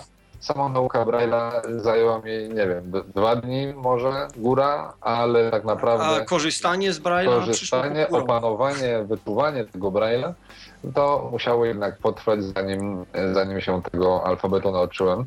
Y, Tutaj e, dla porównania, na przykład e, sytuacja m, taka, mm, mój brat, który trafił do wojska do łączności, do łączności trafił, że tak powiem, z, z marszu, gdzie po prostu rano został zerwany z łóżka i został poinformowany, że ma Że tam 12 idzie. godzin na to, żeby zostać łącznościowcem i w tym czasie musiał opanować Morsa. Oczywiście, tak jak Damian mówi, e, miało to tylko mm, za zadanie mieli się nauczyć samego alfabetu, później nabierali wprawy i praktyki w nadawaniu i odsłuchiwaniu. Ale skoro mówimy już o mm, tym, czego trzeba się nauczyć, e, to może powiedzmy naszym słuchaczom, którzy chcieliby zostać radioamatorami, e, co muszą zrobić, czego muszą się nauczyć, jakie muszą pozdawać egzaminy, żeby uzyskać licencję, jakie mamy rodzaje licencji i czy to się wiąże z jakimiś kosztami. Mówimy oczywiście o samej licencji, bo o sprzęcie porozmawiamy za chwilę. Czy trzeba mieć wiedzę? Z jakiego zakresu? Fizyki, Trzeba matematyki i tak dalej. To może Paweł, dajmy Ci szansę. Znaczy tutaj naprawdę w możliwym uproszczeniu jest, jak w każdej w zasadzie dziedzinie, kilka jakby kroków do tego, aby zostać krótkofalowcem. Sprawa pierwsza to jest jakby nasłuch, czyli w ogóle przyjście do klubu krótkofalarskiego, czy do znajomego krótkofalowca, usiąść obok niego, to zawsze może być jakoś tak bardziej kameralnie, prawda? I, słuchać. Słuchać, słuchać, słuchać. To jest podstawowa sprawa, o czym niestety dzisiaj nawet niektórzy, którzy prowadzą kursy, zapominają, no ale to już jest zupełnie inna historia. Sprawa druga. Nauka. I to tutaj oczywiście no, uczymy się również przez słuchanie. Niemniej jednak nie wszystkiego się nauczymy z różnych pogawędek i tak dalej, więc cała masa materiałów związanych właśnie z nauczeniem się kodu Q, ze wszystkimi przepisami związanymi nie tylko z samym sposobem prowadzenia łączności, ale również zahaczamy nieco o kwestie takie techniczne. A Pawle, czy Teraz tego jest typu łatwo, materiały internet. możemy znaleźć e, właśnie w internecie, czy one No są właśnie o tym, o, właśnie o tym chcę powiedzieć. O tym są. chcę powiedzieć. Dzisiaj naprawdę co drugi szanujący się klub na swoich stronach publikuje cały szereg informacji potrzebnych do egzaminu. Są pytania. e, No Jest facto- wreszcie Polski Związek Krótkofalowców, No tam właśnie. jest taka duża strona i tam jest źródeł masę, wszystko co De facto dzisiaj jest tak, że bez problemu znajduje się te pytania, które będą na egzaminie, gdyż dzisiaj egzamin to jest po prostu forma testu, co również jest pewnego rodzaju komercjalizacją, o czym już mówiłem. Więc drugi etap, o którym wspomniałem, drugi jakby kroczek, to jest e, uczenie się. Kwestia Ale Paweł, kolejna. Ile tego jest? Ile jest tych materiałów? Czy my musimy spędzić Nie, jakieś dwa 300 lata, stron żeby się nauczyć? Nie, nie, to jest książka rzędu maksimum 300 stron, którą trzeba przeczytać. Ta książka zakłada, ta książka zakłada podstaw, znaczy wiedzę z y, fizyki na poziomie licealnym. No. Mhm. I to Tak, no jednak musimy wystarczy. wiedzieć o prawda, fali elektromagnetycznej. No ale no mówię, no fizyka y, na poziomie szkoły średniej. No to naprawdę na to, żeby zdać ten egzamin, nie wykracza się poza prawo OMA, prawo Kirchhoffa i parę innych podstawowych naprawdę rzeczy.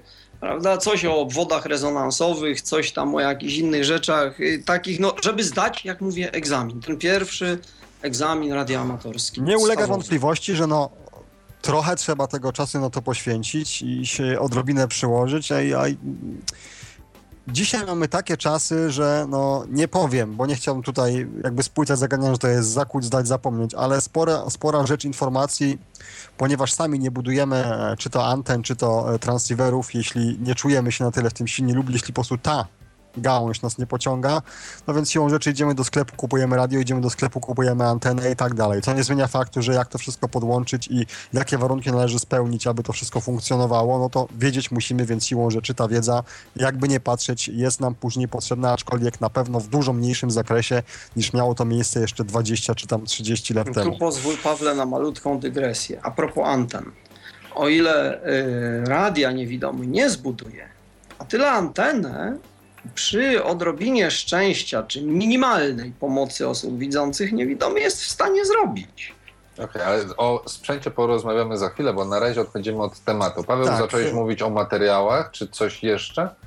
W sensie takim stricte do y, jakby wyedukowania się, no to nie, bo tak jak powiedziałem, dzisiaj internet jest tą skarbnicą, gdzie, gdzie znajdziemy wszystko, nawet no okej, jeśli... czyli mamy materiały, Mhm. wiemy, dostajemy, że mamy jakiś zakres wiedzy, który musimy posiąść. Opisaliście to, że mniej więcej książka 300 300 stron, wiedza z fizyki, zakres y, szkoły średniej. Kolejny I- etap to wybór, se, wybór sesji egzaminacyjnej. Oczywiście no, to nie jest tak jak z... O, ale Pawle, na co zdajemy ten egzamin? No więc y, zdajemy egzamin na, na y, tak zwaną licencję, czyli mm, aby uzyskać świadectwo radiooperatora, co daje nam prawo do prowadzenia łączności w, y, bądź do określonych, na określonych pasmach częstotliwościach, w zależności od kategorii, bądź na wszystkich dostępnych dla krótkofalowców. Dzisiaj sprawa znowu się uprościła, gdyż na dobrą sprawę są tylko dwie kategorie, na które em, się zdaje. Kategoria A, czyli kategoria 1. E, no bo to jest tak. E, jest kategoria i. Mm, Dobrze, Pawle, ale uprość to no maksymalnie. właśnie, no właśnie, Już czyli tak, jest, mamy kategorię jedną, kategoria 1 i kategoria 3. Kategoria 3, czyli niższa, dająca nam prawo do pracy na określonych częstotliwościach, natomiast kategoria numer 1 na wszystkich. Dzisiaj, jak już Damian powiedział wcześniej, sprawa jest jeszcze prostsza, gdyż nie jest wymagane od nas znajomość alfabetu Morsa. Jakiś czas temu zostało to zniesione. Czyli na egzaminie nie musimy zdawać alfabetu Morsa. Absolutnie nie, Tak. aby uzyskać, niestety, aby uzyskać pierwszą kategorię, nie ma już czegoś e, takiego. Ale tu paradoks. Zwiększyło się zainteresowanie korzystaniem z alfabetu Morsa w tej chwili, przynajmniej tak jest trend światowy, ponieważ no, y, radioamatorstwo, jak mówię, no jest i telefonia komórkowa, i Skype, i co tylko chcecie.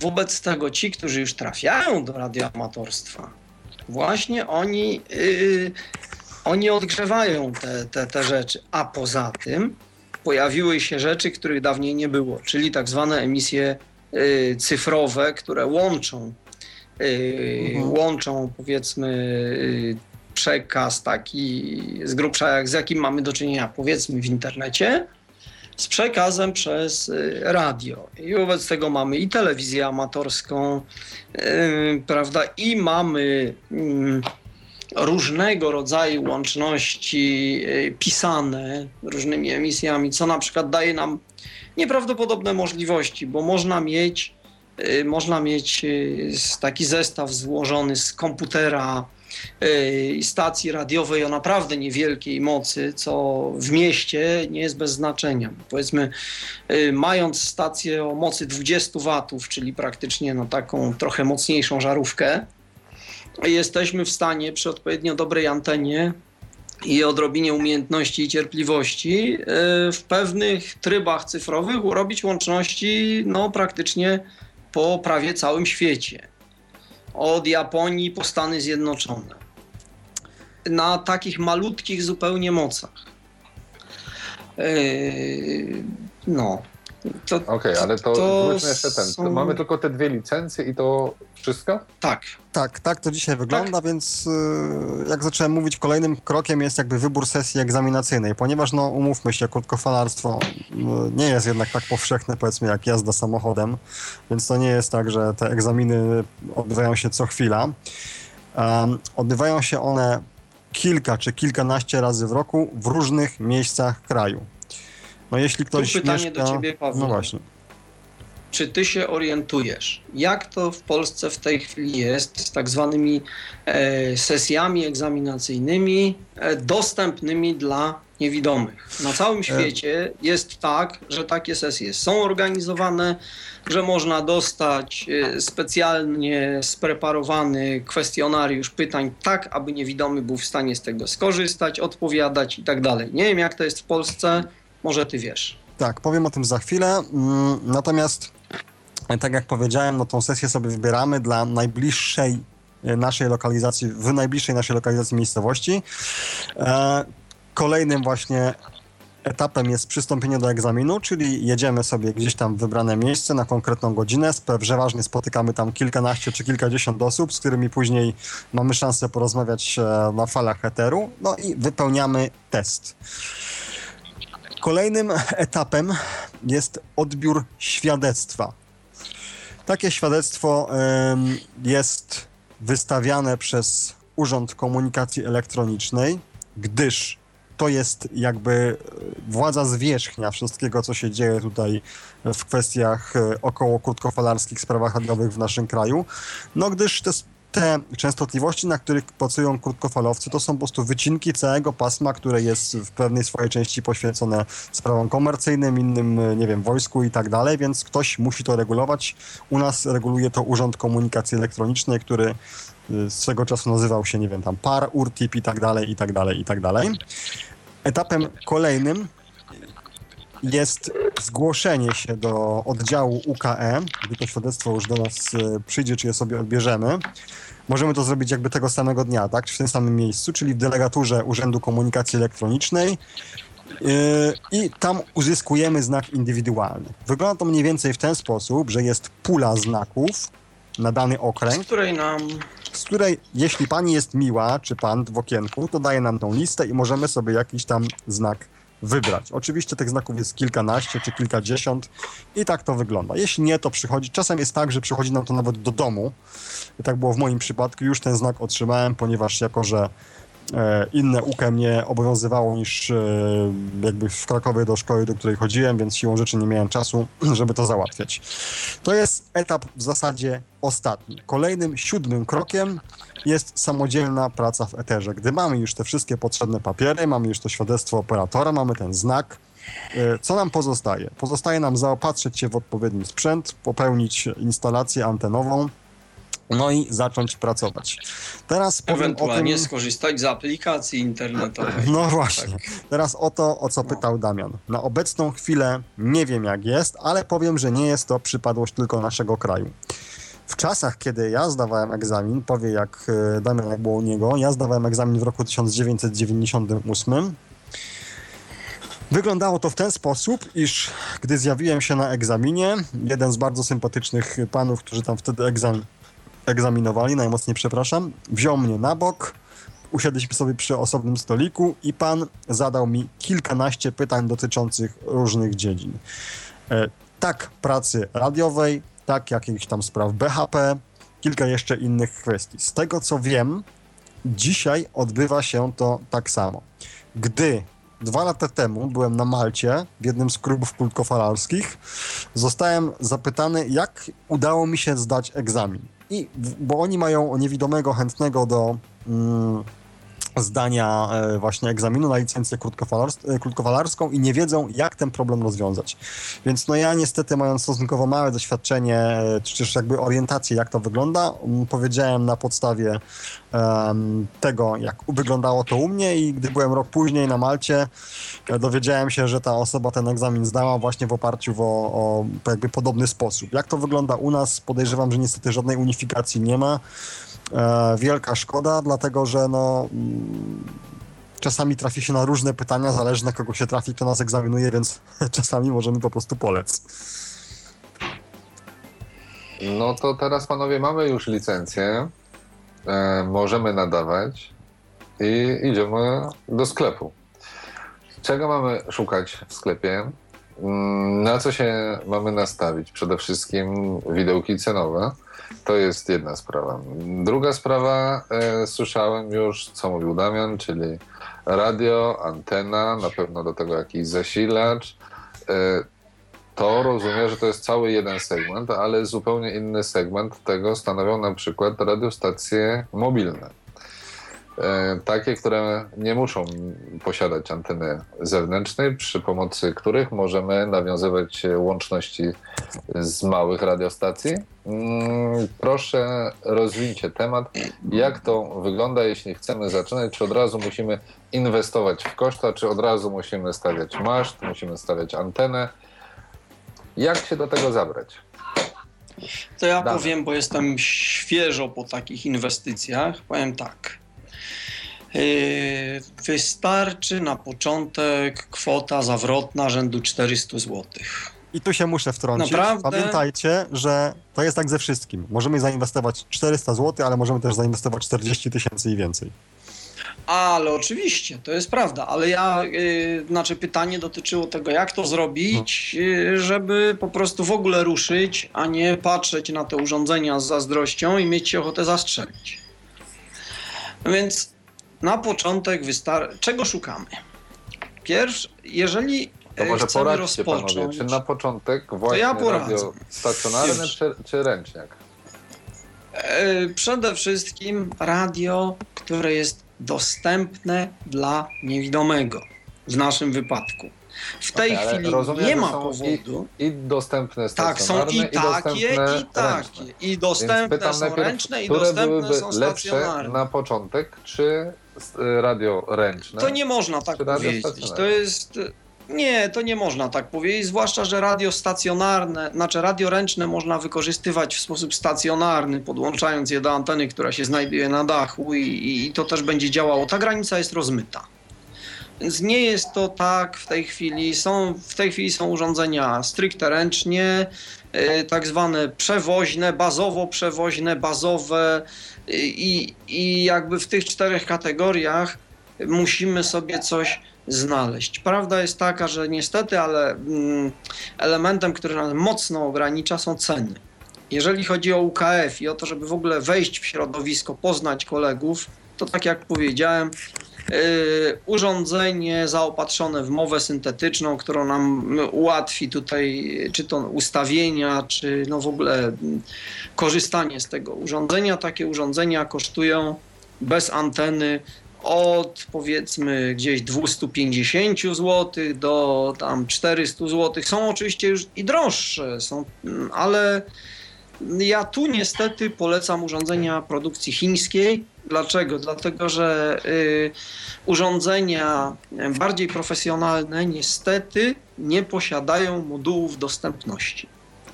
Niestety nie posiadają. Urządzenia na przykład firmy Yesu, Kenwood, no nie, Kenwoody są, ale one są bardzo drogie. Potem ta, tam jest skok cenowy Nagle z tych 400-500 zł przeskakujemy na widełki rzędu 2-3 tysięcy złotych i to się zaczyna robić problem. Bo jeżeli lądujemy w okolicy 2-3 tysięcy złotych, no to już nie UKF, tylko na przykład urządzenie na fale krótkie, które można kupić sobie na raty. Można sobie kupić, ponieważ no wiadomo, przestrzeń jest ograniczona. To wyjaśnię ja na... słuchaczom różnicę między UKF-em a falami krótkimi. No, kwestia długości fali tak naprawdę i rodzaju emisji używanego do... Czyli jest to różnica w komunikowaniu się? Tak. Jest różnica istotna, ponieważ to znaczy, ojej, to by długo, długo mówić. Najpowszechniejsze użycie fal ultrakrótkich to jest tak zwana emisja FM. To jest to, co najpopularniejsze w tej chwili, czyli praca przez tak zwane repeatery, no to są takie stacje, które działają troszeczkę tak jak stacje przekaźnikowe w sieci komórkowej. Yy, tak najprościej już to mówiąc, bez wchodzenia w yy, detale techniczne. To jest jedna rzecz. Fale krótkie to z kolei najpo, najpowszechniejsze typy pracy to praca alfabetem Morsa, SSB a potem, potem już się zaczynają właśnie schody i zaczynają się trudniejsze rzeczy. Dla kogoś, kto odarł się od CB radio, tak zwane wstęgi. Oto SSB. E, tak, tak. Tak jak mówię, na początek trzeba sobie powiedzieć, najlepiej było mieć radio, które e, zalety krótkich i UKF-u mieści w sobie i nie zabije nas ceną. A jednocześnie będzie dla osoby niewidomej obsługiwalne. Bo na przykład wiemy, są drogie modele radio, z dotykowym ekranem. cenowe, to teraz powiedzcie, e, może teraz Paweł, co z anteną? Czy, bo ja jeszcze pamiętam z CB Radia, tam były jakieś rzeczy typu półfali, czy czwarte fali i tak dalej. Tutaj rozumiem, że wygląda to inaczej, bo inne częstotliwości, ale jak to wygląda jest raz, raz e, z uwagi na antenę, tak, bo ich jest wiele rodzajów, dipole, nie dipole, e, to jest jak gdyby jedna sprawa, a druga sprawa kwestia właśnie samej instalacji anteny. Czy jesteśmy w stanie to zrobić sobie sami, e, czy, czy nie? Czy musimy o to kogoś prosić, jakieś e, osoby mm, wyspecjalizowane z jakimiś uprawnieniami e, i czy nie będziemy potem gonieni przez naszych sąsiadów z siekierą, którzy będą chcieli nam połamać tą antenę, bo będziemy im wchodzić na sygnał telewizora i odzywać się w mikrofalówce. Jak to Ha. wygląda? Powiem tak, dzisiaj niestety e, bardzo czarne jakby PR krótkofalarstwu, chcąc nie chcąc, robią media poprzez bardzo upraszczanie pewnych zagadnień, dlatego że co jakiś czas pojawia nam się sprawa, że jacyś tam mieszkańcy jakiegoś tam miejsca nie godzą się na masz telefonii komórkowej i tak dalej, i tak dalej, i tak dalej. Przeciętny zjadacz chleba nie odróżnia oczywiście masztu telefonii komórkowej od anten krótkofalowca i dla niego to jest jedno i to samo zło. Niestety poszło to już tak daleko, Wiem, że mm, jest fakt e, tego, jak bardzo dążymy do integracji z Unią Eu- Europejską sprawia, że Ministerstwo Środowiska wprowadziło pewne przepisy, które bardzo utrudniają życie krótkofalowcom, gdyż wymagają od nas wręcz profesjonalnych pomiarów anten, wypełniania dziwnych wykresów i wysyłania tego gdzieś, abstrahując już od możliwości wypełniania tego przez osobę niewidomą. Mam na myśli problem czysto administracyjny, który bardzo mocno nas ogranicza. Ja A wiem, ja mam na myśli problem czysto techniczny. Nikt normalny nie jest w stanie wykonać profesjonalnie tych No pomiarów. tak, bo oczywiście to jest kwota, to są kwoty bardzo duże. Natomiast ja przez, takiego, przez coś takiego przechodziłem, miałem bardzo duże problemy z sąsiadami, z administracją mojego osiedla, z nadzorem budowlanym. Zostałem po prostu stłamszony i zmuszony do zdjęcia anten, bo sprawa naprawdę tam ocierała się już o sądy i tak dalej. Oczywiście taka sprawa jest do wygrania, z tym, że umówmy się, że przeciętny Kowalski, który musi, nie wiem, zająć się domem, pracą, etc., no też nie zawsze ma możliwość, sposobność ściągania się po sądach, szczególnie jeśli jesteśmy osobą niewidomą, co też wpływa na naszą mobilność. Jednak mm, ja nie chcę powiedzieć, że to jest droga przez piekło, bo dla jednych może No, być... na dla razie ci nie. się udało. No, powiedzmy jakąś tam antena sobie na dachu stoi, ale to jest antena, która no, jest niczym w porównaniu z tym, co stało. Natomiast zmierzam do Ale tego, że... poczekaj, bo wy, wystraszyłeś teraz wszystkich No więc właśnie, Ci, no więc właśnie. już zrobili sobie ochotę na, na przygodę z krótkimi falami, teraz zostali wystraszeni, że takie tam perypetie będą mieli. Czy to zawsze tak wygląda, czy można Nie. sobie coś skromniejszego przygotować? To nawet nie o to chodzi. Często e, wygląda to w ten sposób, że jeśli odpowiednio umotywujemy, umotywujemy nasz, e, naszą potrzebę postawienia anteny, spółdzielnia nam da zgodę, no to okej, antenę stawiamy i, i nie ma problemu, jest no to papier i tak dalej. A jak nie da?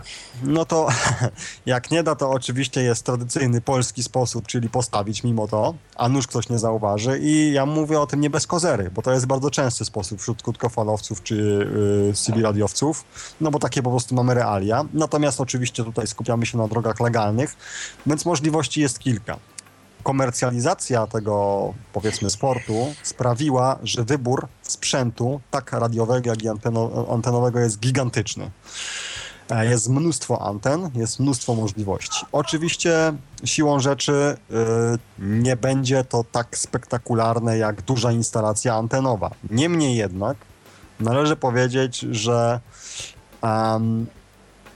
dalsza Poza tym będzie to drogie, taka No jest właśnie. prawda. Bo Dalsza anteny, łączność, które, takie mhm. kompaktowe, No tak, no bo to wtedy decydujemy się na taką antenę powiedzmy all in one, prawda? Czyli wszystko w jednym, antena obsługująca kilka pasm, żeby zminimalizować em, jakby ilość anten na, naszej, na terenie naszej posesji czy tam naszego dachu.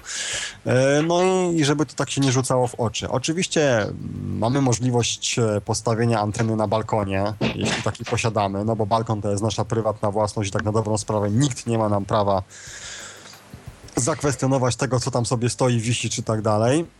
Natomiast oczywiście samodzielny montaż anteny jest możliwy i to jest znacznie prostsza sprawa niż wykonanie takiej anteny, aczkolwiek jakieś tam podstawy techniczne czy wiedzę, jak to wszystko działa, musimy mieć, dlatego gdyż, no jak ze wszystkim, no, potrzeba zamocować e, wtyczkę do kabla, który łączy radio z anteną, to jest pierwsza sprawa.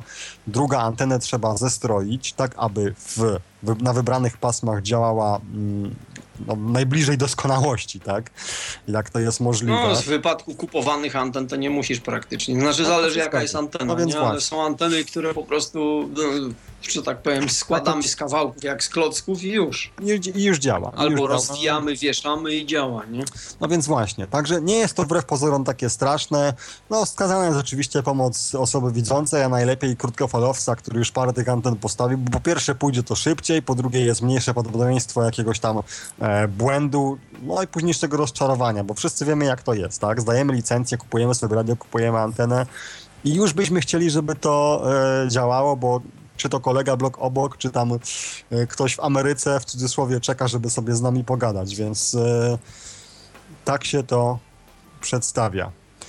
Okej, okay, to zanim przejdziemy do zanim przejdziemy do aplikacji, jeszcze przypomnę naszym słuchaczom, bo już pomału będziemy zbliżać się do końca naszej audycji. Jeśli macie jakieś pytania do moich gości, zapraszamy do kontaktu poprzez Skype'a, login czy nick na Skype to tyflopodcast.net i numer telefonu 123 384 385. I teraz to, o czym już panowie wspominaliście, mm, aplikacje, tak? Są aplikacje, które nawet jeśli już nam sąsiedzi, administracja nie pozwolą stawiać anten, będą krzyczeć, że słyszą nas w swoim radiu ustawionym na jedynie słuszną częstotliwość, e, będą krzyczeć po nas głośno, a my nie chcemy, żeby nasza nauka, nasza licencja poszła do kosza, e, tak, są na możemy skorzystać z aplikacji, tak? Z aplikacji, powiedzcie mi, to są nie aplikacje tylko, tylko komputerowe aplikacje, aplikacje mobilne i tu Damian mówi, że jeszcze inne rozwiązania. Więc Co, cóż powiedzmy, znaczy, ja może powiem tak, e, bo po pierwsze, jest, jest sieć internetowa dla krótkofalowców, taki komunikator, który się nazywa Echolink. Jest on darmowy, wystarczy zrobić licencję radioamatorską, skonfigurować sobie na komputerze. Do Echolinka podłączone są stacje ultrakrótkofalowe na całym świecie i można wyjść w eter w różnych dziwnych miejscach. Ja na przykład kiedyś na Hawajach sobie pozwoliłem. To, takie, to, to jest jedna rzecz. Druga rzecz mm, to są tak zwane symulowane środowiska y, krótkofalowe. To ja bym to tak nazwał. Y, to są takie aplikacje, które mają stworzyć użytkownikowi iluzję korzystania z normalnych fal eteru. Na czym to polega? To jest. Słucham, na czym to na, polega? A, tak. więc polega to na tym, że dostajemy na przykład program, który się nazywa CQ100. CQ100 jest programem, w którym proszę sobie wyobrazić, dostajemy coś w rodzaju radioodbiornika na ekranie. E, on jest bardzo dobrze udźwiękowiony, ma e, wszystkie kontrolki mówiące, bez nawet jeżeli nie posiadamy żadnego czytnika ekranu, to nie szkodzi. Po zainstalowaniu tego programu i odpaleniu nam będzie mówił, jeśli mu to włączymy, tę opcję. Także jest w 100% dostępny dla niewidomego użytkownika, to jest raz. No, no, Echolink tak, Echolink też, ale nie wiem, czy Echolink ma self-voicing w środku, y, bo szczerze no, powiedziawszy, nie, chyba nie.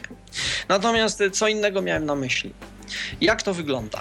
Otóż w tym wirtualnym środowisku, takim jak w CQ100 czy takim jak w Hamsphere, y, mamy taką sytuację, że mamy powiedzmy za pomocą klawiatury komputera poruszamy się tak jakby po pasmach radioamatorskich, czyli w radiu zmieniamy pasma, tam długości fali zmieniamy, częstotliwość zmieniamy, możemy zmieniać emisję pracy, co więcej możemy do komputera podłączyć klucz do alfabetu Morsa i pracować kluczem, co więcej w tych wirtualnych środowiskach można sobie lecieć po skali taką jakby wirtualną gałką, i słyszeć, jak inni tam nadają te swoje sygnały.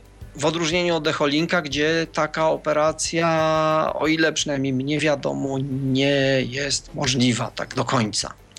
To znaczy, trzeba się z jakąś na przykład konferencją echolinkową połączyć, żeby, żeby móc yy, posłuchać, co mówią inni.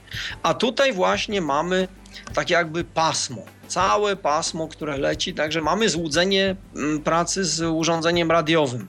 Przy czym o ile w CQ100 jest, to, to złudzenie jest takie no, gorszej jakości, to znaczy wszystko jest czyściutko, klarownie, nie ma żadnego zanikania sygnału, nie ma żadnych brudów na paśmie, zakłóceń, e, to w programie Hamsfer jest jeszcze uatrakcyjnione w ten sposób, że włączamy i słyszymy z zakłóceniami, fale zanikają, stacja gada jedna przez drugą, no i tak dalej i tym podobne. E, to są te aplikacje, które nam pozwalają na e, rozmawianie z krótkofalowcami. Oprócz tego jest jeszcze jedno rozwiązanie, a mianowicie e, zdarza się czasem, że mamy działeczkę. Na tej działeczce gdzieś za miastem, umieszczamy sobie nasze urządzenie radiowe. Tam za miastem, ponieważ to jest nasza działka, nikt nam nie będzie na tym domku letniskowym marudził, czy postawiliśmy antenę, czy nie, czy powiesiliśmy, bo to tam na tych działkach to często jest tak, że tam ludzie nie są tacy czujni, a poza tym nie słuchają tego jedynie słusznego radia tak często. Co nam to daje?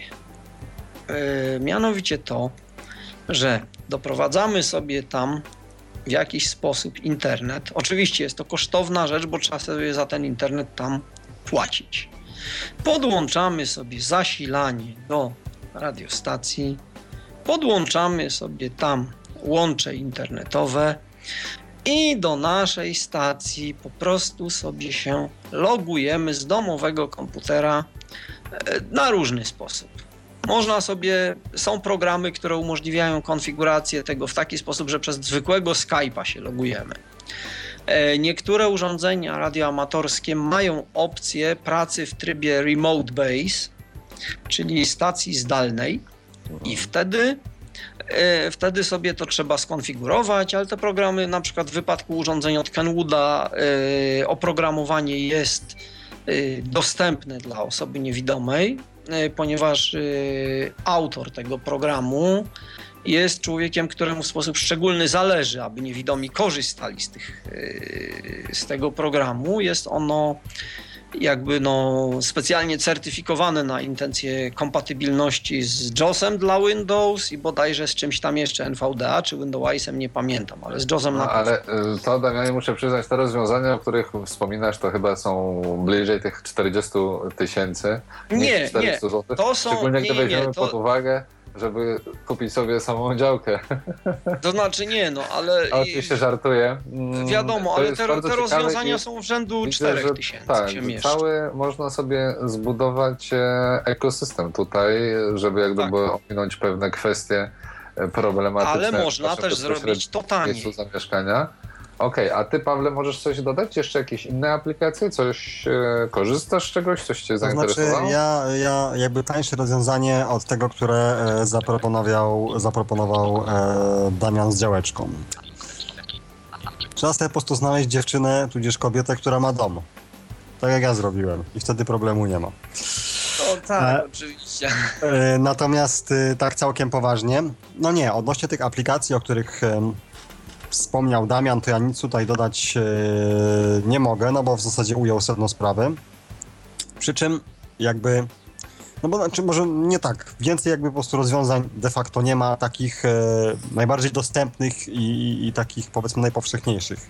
Wiadomo, znaczy, ja chciałbym siłą... zwrócić chyba uwagę na jedną hmm. rzecz, bo e, tutaj tylko to ja wspomniałem, a to wy mieliście wspomnieć panowie. Ja wspomniałem dlatego, bo miałem okazję kiedyś Pawła widzieć w akcji, to znaczy z urządzeniem mobilnym w garści, to jeszcze był e, iPod Touch. Będąc za granicą, właśnie nie mając, mając radio, ale akurat podłączając się do sieci Wi-Fi, próbował właśnie przy pomocy programu EchoLink przeprowadzać e, łączności i to działa, tak? Znaczy tak, e, bo to jest e, jakby Echolink ma dwie strony. Czyli e, jest jakby użytkownik komputerowy, tak, który sobie siedzi w domu i tak dalej, ale również jest możliwość mm, tego, że Echolink jest podłączony, jest tak zwana taka, taka bramka, do, tego, do tak zwanego repeatera. Repeatery to, to, co Damian już tutaj napomknął, to są takie analogowe przekaźniki, Mm, działa to podobnie jak na, na zasadzie telefonii komórkowej, czyli jakby nie to, że powiela, ale ro, rozprasza nasz sygnał na dalszą odległość, tak? My sobie do takiego przekaźnika mm, nadajemy drogą radiową, a on ten sygnał roz, rozgłasza z tego miejsca na dalszy obszar, w bardzo dużym uproszczeniu. I teraz tak, taki przekaźnik, taki repeater może być podłączony do, do echolinka. Czyli po prostu zwykła stacja radiowa, prosty interfejs, łączy to z internetem i ktoś na ten przekaźnik może wejść drogą internetową. Ale również daje nam to możliwość wywołania tak, na takiej samej zasadzie, jak wybieramy numer telefonu, czyli po klawiszach DTMF, numeru bądź konkretnego krótkofalowca, bądź innego jeszcze przekaźnika. I właśnie posiadając urządzenie mobilne, czyli właśnie jakieś tam radio ręczne, z klawiaturą DTMF, wbijamy taki numerek, łączymy się i sobie gdzieś gadamy. I tutaj e, fantastyczną sprawą jest e, są jakby smartfony, tak? Dlaczego o tym mówię? Ano, jest to coraz bardziej powszechne ustrojstwo, które coraz więcej osób niewidomych posiada. I teraz tak, no pytanie, ok, ląduję sobie gdzieś tam, dajmy na to, w Nowym Jorku, a i, i co dalej? Nie mam kurczę czasu, żeby gdzieś szukać po internecie jakiejś bazy danych e, z przemiennikami, z przekaźnikami echolinkowymi i tak dalej. Wyjmuję sobie na przykład iPhone'a z kieszeni, uruchamiam odpowiednią aplikację, potrząsam ja telefonem. Pokazuje, no właśnie, potrząsam telefonem, aby odświeżyć pozycję GPS i widzę, że w poromieniu powiedzmy 10 km, no bo przyjmijmy sobie, że w gęstej zabudowie miejskiej zasięg większy nie ma sensu, takiego urządzenia ręcznego, Widzę, jakie mam przemienniki. Mam podaną dokładnie częstotliwość i inne parametry, z jakimi na ten przekaźnik należy wejść. Odpinam radio od paska, wpisuję odpowiednie dane, tam częstotliwość i tak dalej. Wklepuję kod e, stacji na przykład e, jakiejś tam w Polsce i mogę sobie już z nią rozmawiać. E, więc takich aplikacji służącym nie tylko jakby nam osobom niewidomym, przy czym oczywiście nie należy zapominać o tym, że aplikacja jest w pełni dostępna. E, z e, screenreaderem na, na telefon. Więc takich aplikacji, mm, nawet jeśli mamy radio, prawda, nie mamy tam żadnych trudności z, z radiami i tak dalej, nawet jeśli mamy radio, to mm, takich wspomagaczy naszej pracy w terenie jest e, całkiem sporo, więc ten smartfon, te nowoczesne technologie również do takiej łączności e, codziennej też nam się przydają, bo jak lądujemy w obcym miejscu, nie potrzebujemy nawet tego linka, ale, echolinka, ale chcemy się zorientować w mm, jakby lokalnej liczbie przemienników, jakie, jakie one są i co możemy, na jakich częstotliwościach pracują, no to również to nam e, pomaga. Kiedyś było znacznie trudniej. Ja pamiętam jeszcze 7 lat temu, jak wpłynąłem na rejs żeglarski do Skandynawii, to to gdzieś w domu szukałem w internecie tych baz i tak dalej wiedzieć, czy to działa, czy to nie działa, no to wszystko było loterią, a dzisiaj na dobrą sprawę nawet status przemiennika, czy jest podłączony, czy w danej chwili pracuje, również możemy sprawdzić, także sprawa jest doskonała. Okej, okay, panowie, e, myślę, że pomału będziemy dobijać do, do brzegu, do końca naszej audycji. Chciałbym wam po, was poprosić o, o takie podsumowanie tego, o czym dzisiaj rozmawialiśmy. Co byście, czy, czy chcecie zachęcić e, słuchaczy Tyflo Podcastów, Tyflo Radia do tego, żeby e, zajęli się, zainteresowali się krótkofalarstwem w kilku słowach. Dlaczego, czy warto? Proszę, może Damian. A więc ja chcę, za, ja jak najbardziej chcę zachęcić e, wszystkich do zajęcia się krótkofalarstwem. Dlaczego? pomijając wszystkie jakieś tam humanistyczne, wzniosłe, mniej wzniosłe rzeczy, o których była mowa, yy, krótkofalarstwo jest bodaj chyba jednym, czy też nie jedynym sportem, w którym osoba niewidoma może bez żadnych bez żadnych forów, bez żadnych poprawek na to, że nie widzi, współzawodniczyć z e, osobą widzącą. Po prostu ono, przynajmniej w tej dziedzinie sportowej, pozwala całkowicie przełamać bariery ponieważ no, dobrym operatem, operatorem może być zarówno widzący, jak i niewidomy.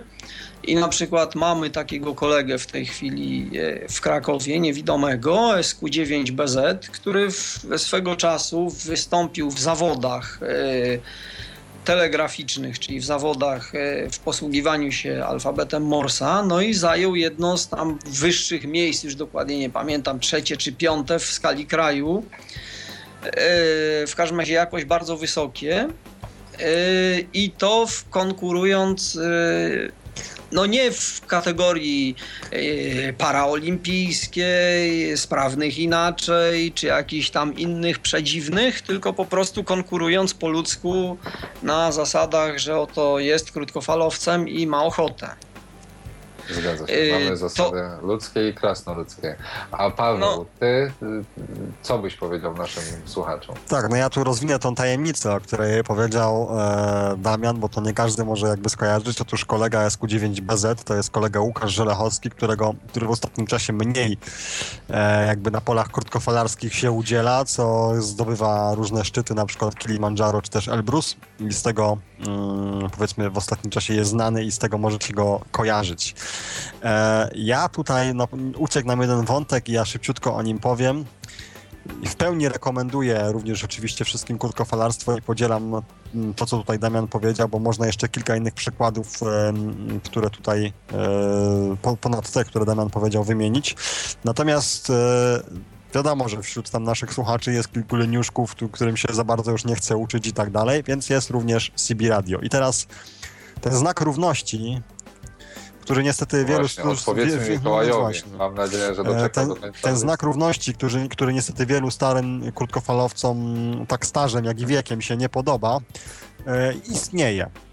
Dlatego, Mnie że... się nie podoba ten znak równości, ponieważ... Dlatego, że... Mhm. Ale... Znaczy Dlatego, nie podoba mi się ten znak równości. CB Radio to jest nic innego jak fale krótkie, e, czyli... Mm, Oj to są te same częstotliwości, mniej więcej, na których pracują krótkofalowcy, oczywiście nie. jedno z pasm. Tak, tak, oczywiście, Ale że tak. Ale to upraszczasz wszystko w sposób straszliwy. CB Radio to przede wszystkim całkowity brak kultury osobistej. Jeżeli ktoś ma ochotę nauczyć się y, słownika wyrazów y, używanych, jak uznawanych za obsceniczne, to polecam CB Radio, jeśli jest obcokrajowcem. Na pewno się tam nauczy bardzo dobrze używać wszystkich tego rodzaju wyrazów. Gdyż, no, y, natomiast jeśli ktoś wykaże no. nieco więcej zainteresowania tym pasmem, to ja znam osoby i mogę takie tutaj przykłady przytoczyć, które mają potwierdzone znacznie więcej krajów niż na pasmach krótkofalarskich морских – nie trzeba się uczyć, można prowadzić dalekie łączności z całym światem. Są Ale tak jest zwane... to nielegalne, od razu powiedzmy sobie uczciwie, jest to nielegalne. Natomiast nikt nas za to, że tak powiem, nie skarci, ani nie będzie nas za to ścigał. Także no spokojnie... będzie nas za właśnie, o to chodzi, że będzie, że w no tej no jestem, chwili będzie. Jestem innego Także zdania i, i praktyka uczy tak. inaczej. O. Eee, chwileczkę, panie, żebyśmy tutaj e, dyskusja nie rozgorzała. Eee, ja chciałem e, może tak, e, z ciekawości wyjaśnić tą kwestię, ponieważ e, sam pamiętam swego czasu nad jednym z pilskich jezior. Siedziałem w samochodzie, w którym było, było poważne radio CB Dragon o dużej mocy, antena mobilna na dachu i to był mój pierwszy DX prosto Mm, z województwa wielkopolskiego do Włoch i rozmawiałem na fonie pierwsze takie niesamowite przeżycie przez CB Radio. Dlaczego to jest nielegalne? Bo pierwsze o tym słyszę. Dlatego to jest nielegalne, że mm, to znaczy, po pierwsze, CB Radio pozwala na korzystanie z mocy 4 watów. Po drugie, legalny w całej Unii Europejskiej jest tylko FM. Dlaczego? Dlatego, że zastosowanie CB radia jest zupełnie inne. W momencie, kiedy na przykład ludzie używają urządzeń dużej mocy z różnie dopasowanymi antenami, różnie wygląda, te urządzenia no po prostu zaśmiecają Znaczy, fale czekaj, czekaj, eteru. bo, tutaj troszkę demonizujesz. Ja myślę, że Nie, analogicznie zaśmieca się fale, jeśli się ma źle skonfigurowane radio i antenę. Ja wiem, tylko że, więc, ponieważ, y- tylko że o ile w wypadku krótkofalowców każdy musi zdać y, stosowne y, egzaminy Ale i co więcej, anteny jeśli i co więcej, jeśli krótkofalowiec y, nadaje nie, znaczy nie na tych pasmach, co powinien, nie takimi emisjami, jakimi powinien i tak dalej, to zaraz będzie ścigany. Trudno mi powiedzieć, jak to jest w Polsce. W Stanach Zjednoczonych jest to bardzo restrykcyjnie przestrzegane. I do tego stopnia restrykcyjnie, że przy odrobinie pecha można wręcz, że tak powiem, mieć ki- kilkuletnie sanatorium w więzieniu. Jeżeli e, łamie się pewne Znaczy, przepisy. nie wiem, jakie macie doświadczenie, jeśli chodzi o środowiska krótkofalarskie, bo słyszę, do czego zmierzasz. E, Ja, no już tak jak mówię, dość dawno się e, nie interesowałem Sibradem, ale w czasach, kiedy jeszcze par u nas rządził, em, przypadki niekulturalnego zachowania się, może i, i, i właśnie używania zbyt dużej mocy, właśnie 20 watów, em, Nie spowodowały, 20, nie 20, 500 watów. e, spowodowały, że e, mojego sąsiada mieszkającego blok em, obok e, namierzono i skonfiskowano mu sprzęt i odebrano mu oczywiście to Klara, nie, nie, nie, nie Klara, już nie pamiętam jak to się dokładnie nazywało, A, pozwolenie na korzystanie z CB Radia. E, Zostało mu ono odebrane i tak jak mówię, przypadek sprzętu. Więc e, w taki czy w inny sposób myślę, że nad tym się panuje. E, Wiadomo, myślę, że wszędzie są jednostki, które będą łamać prawo e, czy, czy, czy jakieś normy dobrych obyczajów, czy to Znaczy tu, czy tam, czy to, że tak powiem, w realu, w internecie, czy, czy na falach eteru. Myślę, Znaczy Piotrze, że... w tej chwili legalnie nie kupisz CB radia z tak zwanymi wstęgami. No nie, nie w tej Eee, chwili, bo to zawsze było zabronione i Nie no, ale dawniej to te radia były i homologacji w ludzie w sklepach sobie mogli odblokować. chwili- No tak, właśnie. Tak to wyglądało, więc pewnie teraz wygląda to podobnie. Okej, E- ale mieliśmy rozmawiać e, o, o, o porównaniu, a nie o zachowaniu ludzi. E, O porównaniu y, krótkofalarstwo daje bezwzględnie większe możliwości. O ile w wypadku pasma y, CB y, konkretnie charakterystyka propagacji na tym paśmie jest tego rodzaju, że DX-y to są zjawiska, które tam czasem występują. O tyle w wypadku krótkofalarstwa ja mogę w tej chwili włączyć y, urządzenie, które stoi u mnie na biurku i powiedzmy, jeżeli będę miał trochę czasu, to znajdę pasmo, gdzie gdzieś tam z całej Europy będą ludzie y, dostępni, a myślę, że i spoza Europy spokojnie też, mimo iż moja antena jest y, bardzo taka sobie y, ani nie wisi jakoś wysoko, ani w ogóle nie mam jakichś super warunków. W wypadku CB to jest tak, że y, możliwość pracy, jak mówię, jeżeli kogoś interesują łączności y, dalekie, to CB to owszem umożliwia raz na 11 lat, czy tam, no może troszeczkę częściej, ale y, to są rzeczy, które, które powiedzmy są dużo, dużo trudniejsze. Da się tam robić takie dalekie łączności, ale wymaga to dużej wiedzy, wymaga to dużego zaangażowania, jeśli ktoś chce rzeczywiście, ewentualnie szczęścia. Podczas gdy w, wypadku zwykłego krótkofalarstwa yy, łączności no, dalekie, bez. Yy, robi się z palca, tak po prostu. Paweł, czy chciałbyś jeszcze tutaj coś dodać w tej kwestii? Nie no, jak, jak słusznie powiedziałeś, nie ma tam co, żeby tam dyskusja rozgorzała. Damian może jak będzie miał chwilę czasu, kiedyś zajrzy sobie na 27 555, posłucha, no to wiadomo, może troszeczkę ja z, zmieni w tym zdanie. temacie e, powiem mm, z nieco innej strony, ponieważ tutaj Damian poruszył e, istotną kwestię, to znaczy dalekich łączności, a ja bym mm, trochę w przypadku mm, z którym miałem o wiele większy e, kontakt niż z krótkofalarstwem, odwrócę trochę kota ogonem. Bo ja stwierdzę, że w przypadku Sibiradia mamy możliwość poznać ludzi, którzy nas otaczają, którzy mieszkają blisko, w promieniu paru kilometrów. Ja w ten sposób poznałem ekipę świetnych ludzi. Dochodziło do takich sytuacji, gdzie ja nawet momentami uczyłem się gry na gitarze różnych utworów z różnymi ludźmi, korzystając właśnie z CB Radia. Dochodziło do tego, że poznałem przedziwnych ludzi, takich, z którymi e, nic by mnie nie połączyło poza domem, poza falami CB Radia. I dzięki temu, jak gdyby mm, udało mi się poznać część lokalnej społeczności, taką, której bym e, nigdy nie poznał.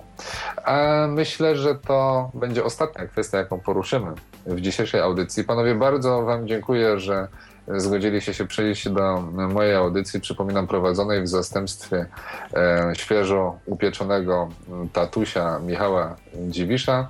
Um, jeszcze raz dzięki, że podzieliliście się swoją e, ogromną wiedzą z naszymi e, słuchaczami. E, pozwolę sobie Was pożegnać. Mam nadzieję, że tym razem nie pomylę Waszych znaków. Tak więc, zaczynając tak jak na początku audycji, mój pierwszy gość, czyli Sugar Papa 9, e, Quebec Lima Oscar Czyli Damian przybyła, nic nie pomyliłem, Damianie? Nie, nie, nie, niczego okay. nie. I drugi, Sugar Quebec 9, Hotel Hotel Tango, czyli Paweł Pluszczyk. Zgadza się? QSL, potwierdzam. Okej. Okay. Tak więc e, bardzo wszystkim dziękuję. Mam nadzieję, że mm, audycja wydawała, wydała Wam się interesująca i tym samym zapraszam Was do kolejnych audycji w Tyflo Radio. Był to Tyflo Podcast. Pierwszy polski podcast dla niewidomych i słabowidzących. Program współfinansowany ze środków Państwowego Funduszu Rehabilitacji Osób Niepełnosprawnych.